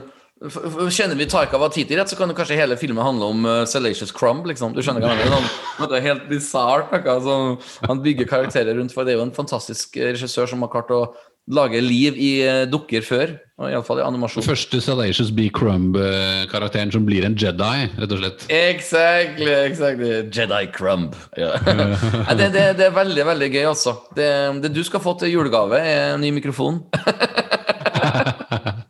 Da. Du, du, du høres på. Jeg bare merker at av og til når du går litt unna mikrofonen, så blir du litt lavere. Men kanskje Ja, det er noen punkter her som er litt eh, Men eh, Ja, ikke sant. Men det, det er innafor. Vi, vi, vi lover at vi skal komme sterke tilbake i, i lydkvalitet, iallfall på nyåret. Det, vi, det skal bli veldig, veldig bra. Jeg skal jo få 14-åringen min til å sitte sammen med meg nå i romjula. Vi skulle egentlig dra på fjellet og ri på hester og sånn, men Ja. det er jo- k- k- k- covid-19 har forhindra den firedagersturen, så jeg har nå lovt 14-åringene at vi skal se hele sesong 1 og sesong 2 sammen, for han har ikke Ah. sett noe av det ennå. Og da er jeg veldig spent på hvordan, om han blir rørt når han ser Luke Skywalker der på slutten. Og så blir det jo jo- spennende for deg å se alt i ett, da. For å få en sånn Ja. eh, Ja, sammenhengende følelse der. Virkelig. virkelig. Din, din guttunge Lukas han har, eh, Min guttunge heter også Lukas, og det er Ja. så artig. Ja, han gjør det. har han, ja, ja. Har, har, har din gutt eh, Har din Lukas sett eh, Mandalorian? Han har, ikke, ja, han har vel vært litt borti det. Han har jo sett mye av Star Wars-filmene. Han har vel egentlig sett alle, bortsett fra Rogue One og Solo, tror jeg. Eh, og han syns det er kule, men han er jo mer på Marvel. da. Han har vokst, han det- elsker jo Marvel, så han har eh, nok fått det mer som sin, sin barndomsgreie, tror jeg. Eh, Kanskje jeg banner litt i kirka nå, men har jeg vært like gammel som din sønn og levd i 2020, i den alderen der, så har jeg kanskje vært litt mer Marvel. For Marvel, they keep knocking them out of the park, og det har jo ikke Star Wars gjort på samme måte. Iallfall ikke med prequel, nei, sequel-trilogien. Eller prequel-trilogien, for en saks skyld. Så Ja. eh, de siste to tiårene så har jo ikke Star Wars levert gull hver gang, men det har jaggu meg Marvel, så jeg, jeg Men, støtter de den er, men han er veldig nysgjerrig på Mandalorian. Jeg tror nok at Mandalorian og de TV-seriene som kommer, kommer til å bli en inngang for mange nye generasjoner til Star Wars på en mye bedre måte. For at det, Ja. Det, altså, men Lauren får jo altså, Jeg kjenner jo folk som ikke nødvendigvis er så veldig interessert i Star Wars, som sitter og ser på dette som bare det. På Ja, ja, ja. Mandalorian og virkelig kryster ut eh, all saften av de TV-seriene. Og, og etterpå så går de og hører på vår podkast. ja. Og gråter. Ja, ja, ja, ja. Nei, det var rart, altså. Det var, det var en, det, eh, jeg, jeg prøver å tenke på sist gang jeg gråt når jeg så en Star Wars-film. Jeg, jeg ble litt eh, på en måte rørt når jeg så Darth Vader i Rogue One Ja. gjøre sin episke scene, men det var mer den musikalske oppbygninga, og Ja. det var bare så sterkt å se disse rebellene bli eh, slakta. Det var bare en slags, slags vakker måte å se drap på, Ja. for å si det på en veldig rar måte. Og da ble jeg litt sånn rørt, og så så jeg en sånn YouTube-video hvor en jente ser den scenen og hennes reaksjon, og da ble jeg litt rørt, for jeg skjønte på en måte hvor hennes reaksjon kom fra. Ja. Så der ble jeg litt rørt, men jeg har vel kanskje ikke blitt ordentlig rørt på den måten jeg ble i dag av Star Wars på veldig, veldig, veldig, veldig lenge. Så det var, det var en eh, deilig følelse. Ja. Ja, det, det, det, det er første gang vi ser Luke Skywalker etter at han liksom brenner opp eh, drakten til Darth Vader. ikke Ja. sant? Altså, Ah. eh, hvor Etter, etter han ser Hayden Christensen i, i som Force Ghost. Ja. ja. Og den parallellen du dro med Rogue One der, med, med Darth Vader, som er liksom the master of evil. Faren Ja. til Luke Skywalker slakter ned rebeller Ja. og liksom de, de gode. Ja. Og så får du det motsatte her, bare en Ja. enda lengre scene hvor sønnen hans kommer og gjør det helt motsatte. Altså Han, Ja, eh, ja, han kjemper ja. for det gode og Ja, det er akkurat det. Eh, vet du, akkurat det. Og en en annen scene jeg husker på premieren på The Force Awakens eh, 2015. Da var jeg først gjest på eh, God morgen Norge på TV 2, for jeg hadde jo skrevet en Star Wars-bok. Og jeg hadde jo sovet veldig lite den natta, for jeg skulle jo opp du vet, halv fem og sånne ting. Og så gjør dere intro, og så skulle jeg bare dra, hoppe i taxi og dra rett på Oslo Colosseum og se Ja. den filmen. Og da var jeg litt sånn trøtt, og jeg var litt Ja. emotional, du vet, sånn spent. Ja, ja, ja. Og da, i akkurat den scenen hvor Ray møter han Solo, Ja. og han Solo sier bare noen replikker, og så plutselig, går det opp for meg Oh my god, jeg ser Harrison Ford som han Solo igjen. Det var sterkt. ja. Og så plutselig så sier han settingen liksom sånn, Yeah, yeah, I knew Luke. Og da, bare Ja. fikk jeg bare Da fikk jeg frysning. Og da kjente jeg på Jeg var veldig trøtt, som sagt. Det var veldig tynn luft i rommet. Men det var bare noe Han, han spilte så bra, Harrison Ford, og bare det der, I knew Luke. Og da fikk jeg bare sånn visjoner om ja, så klart. Ja, you knew Luke. Det der var jo helt rå sammen for 30 år siden. Og da ble jeg litt rørt. Så faktisk, Ja. Force Awakens rørte meg litt. Og når filmen var ferdig, rulleteksten gikk opp, og lyset gikk på i Colosseum, så gikk jeg ned trappa, og så så jeg en gutt på tolv år som grein. Ja. Og jeg bare gikk bort. Går det bra med? Nei, han Solo er død. Og da kjente jeg at jeg ble litt rørt sjøl. Ja. ja, men Force, Force. Awakens har sine sider. Det er jo en bra film. men Det. Der klarte de virkelig å De klarer å liksom binde det sammen med litt nostalgi og litt ny historie. Ja. Jeg husker og, når, og, og, når, unnskyld, jeg skal, unnskyld men akkurat når da Luke sjøl dukker opp i Force Awakens, da ble jeg også litt rørt. Sorry. Ja. Så, så det, og du har liksom bare når, når Harrison Ford sier Når han roper 'Ben', ikke sant? Da får jeg en veldig følelse Da fikk jeg også en veldig sånn sterk Ja! følelse, selv om jeg ikke kjente så mye til Ben Solo den gangen. Så Mm. Force Awakens klarte å spille på en del eh, følelser, men, eh, og, og for så vidt Last Jedi òg, men, men Rights of Skywalker klarte ikke det i det hele tatt. Eh. De, de, de har noen småting, eh, for så vidt, men eh, det kan vi komme tilbake til. Men, eh, ja, ja, det, det kan vi komme tilbake til. Ja. men vi, må, vi må snakke om alle disse filmene i fremtidige episoder etter nyttår, egentlig. Og, så, Vi, vi, vi må det. For farlig rett og slett bare start med og det som er så gøy, er at nå har vi jo liksom denne episoden å referere til også, ikke sant? I fremtidige Yes. podkaster. Dette er nå official law, som vi kan gå tilbake til og vi kan sammenligne med. Og, Lista er lagt, ikke sant? Det er, det er, eh, Ja, det, det er så fantastisk. Det er Ja. så fantastisk. Knut Løksen, det har vært en uh, sann ære å komme gjennom hele sesong én av uh, Yoda Neid, altså. fantastisk. For at uh, 2020 det er altså er på vei til å bli over. Faen, for et år Ja. det har vært. La oss ikke snakke om det. Ja. Men uh, hver gang jeg legger ut vet du, en, eh, en ny podkastepisode, så må jeg alltid skrive hvilken sesong er det her. Og jeg bare, det er fortsatt på sesong én. Men når vi starter nå i januar, da er vi faktisk på sesong to av eh, Yoda Night også. Så Ja. det er veldig artig. Da, da kommer Spotify til å sette dem i to forskjellige sånne eh, lister, liksom, sesong én. Så vi, vi klarte faktisk eh, Var det mange episoder? 14 episoder? eller noe sånt? Jeg tror det er 14. i dag, ja. 14 eller 15. 14, ja. Ja. Eh, nei, det har vært et eh, rart år, men dette her har jo vært et, uh, en stor glede å bruke tiden sin på. Og det, Ja. nå har vi grunnlaget bare for å fortsette, og, og det er jo så bra timing, for det kommer jo så mye mer. Så Ja, ja, ja. Det, neste gang vi får noe nytt, det er The Bad Batch, og vi skal jo selvfølgelig se de episodene og anmelde dem. Og ja, analysere ja, ja. og dykke og grave og nerde. Og, Og det, det blir gøy. Da- kan vi kanskje ha med gjester da, bare for at Ja, det er ja. enklere episoder å gå gjennom. Eller hvem vet, kanskje det er kjempekompliserte greier. Vi skal ha en dataanimert Luke Skywalker eh, på plass. Det er også viktig, vi glemte å si at Mark Hamill er jo tilbake. Han leverte jo stemmen. Ja. Men det Det- gjorde han jo faktisk i Mandalorian sesong 1 også. Han var robotstemmen i Tatooine-baren. Ja, ja, stemmer det. Men her er han tilbake. Og han, han prøver å Det var litt vanskelig å kjenne igjen stemmen hans, faktisk, men det var han. Det var han. Ja, det var vi ikke. Og med den så skal jeg avslutte med å si at uh, sesong to var en uh, kjempehøydare. Og uh, jeg syns Mandalorian er rett og slett en kjempesuksess. Jeg vil Ja. si sesong én og sesong to er veldig jevngode, men jeg vil jo nå si at sesong to har, var jevnere. og var generelt sett en eh, Uh, Den var helt oppe i toppen, og nå har den gitt meg det største høydepunktet jeg har fått i serien all over. Ja. Så jeg må jo si Ja. at sesong to er et lite hakk over sesong én. Ja. Selv om sesong én fortsatt er bunnsolid og veldig Ja, mange ja, bra episoder her. ja, spesielt de to Eh, siste var helt rå, husker jeg. Jeg, nå skal jeg avslutte med at jeg må gjenta den morsomme sitatet til Cara Dune. Altså, Those dark troopers are gonna be a real skank in the scud pie. Altså På norsk så betyr det de dark trooperne kommer til å være en skikkelig horete kvinne som ikke klarer å si nei til sex i den ballistiske missilpaien. Og da sier jeg bare eh, jo da, nei da, så Jo da. Nei da. Så Nei da, så Ja, så Nei da. Så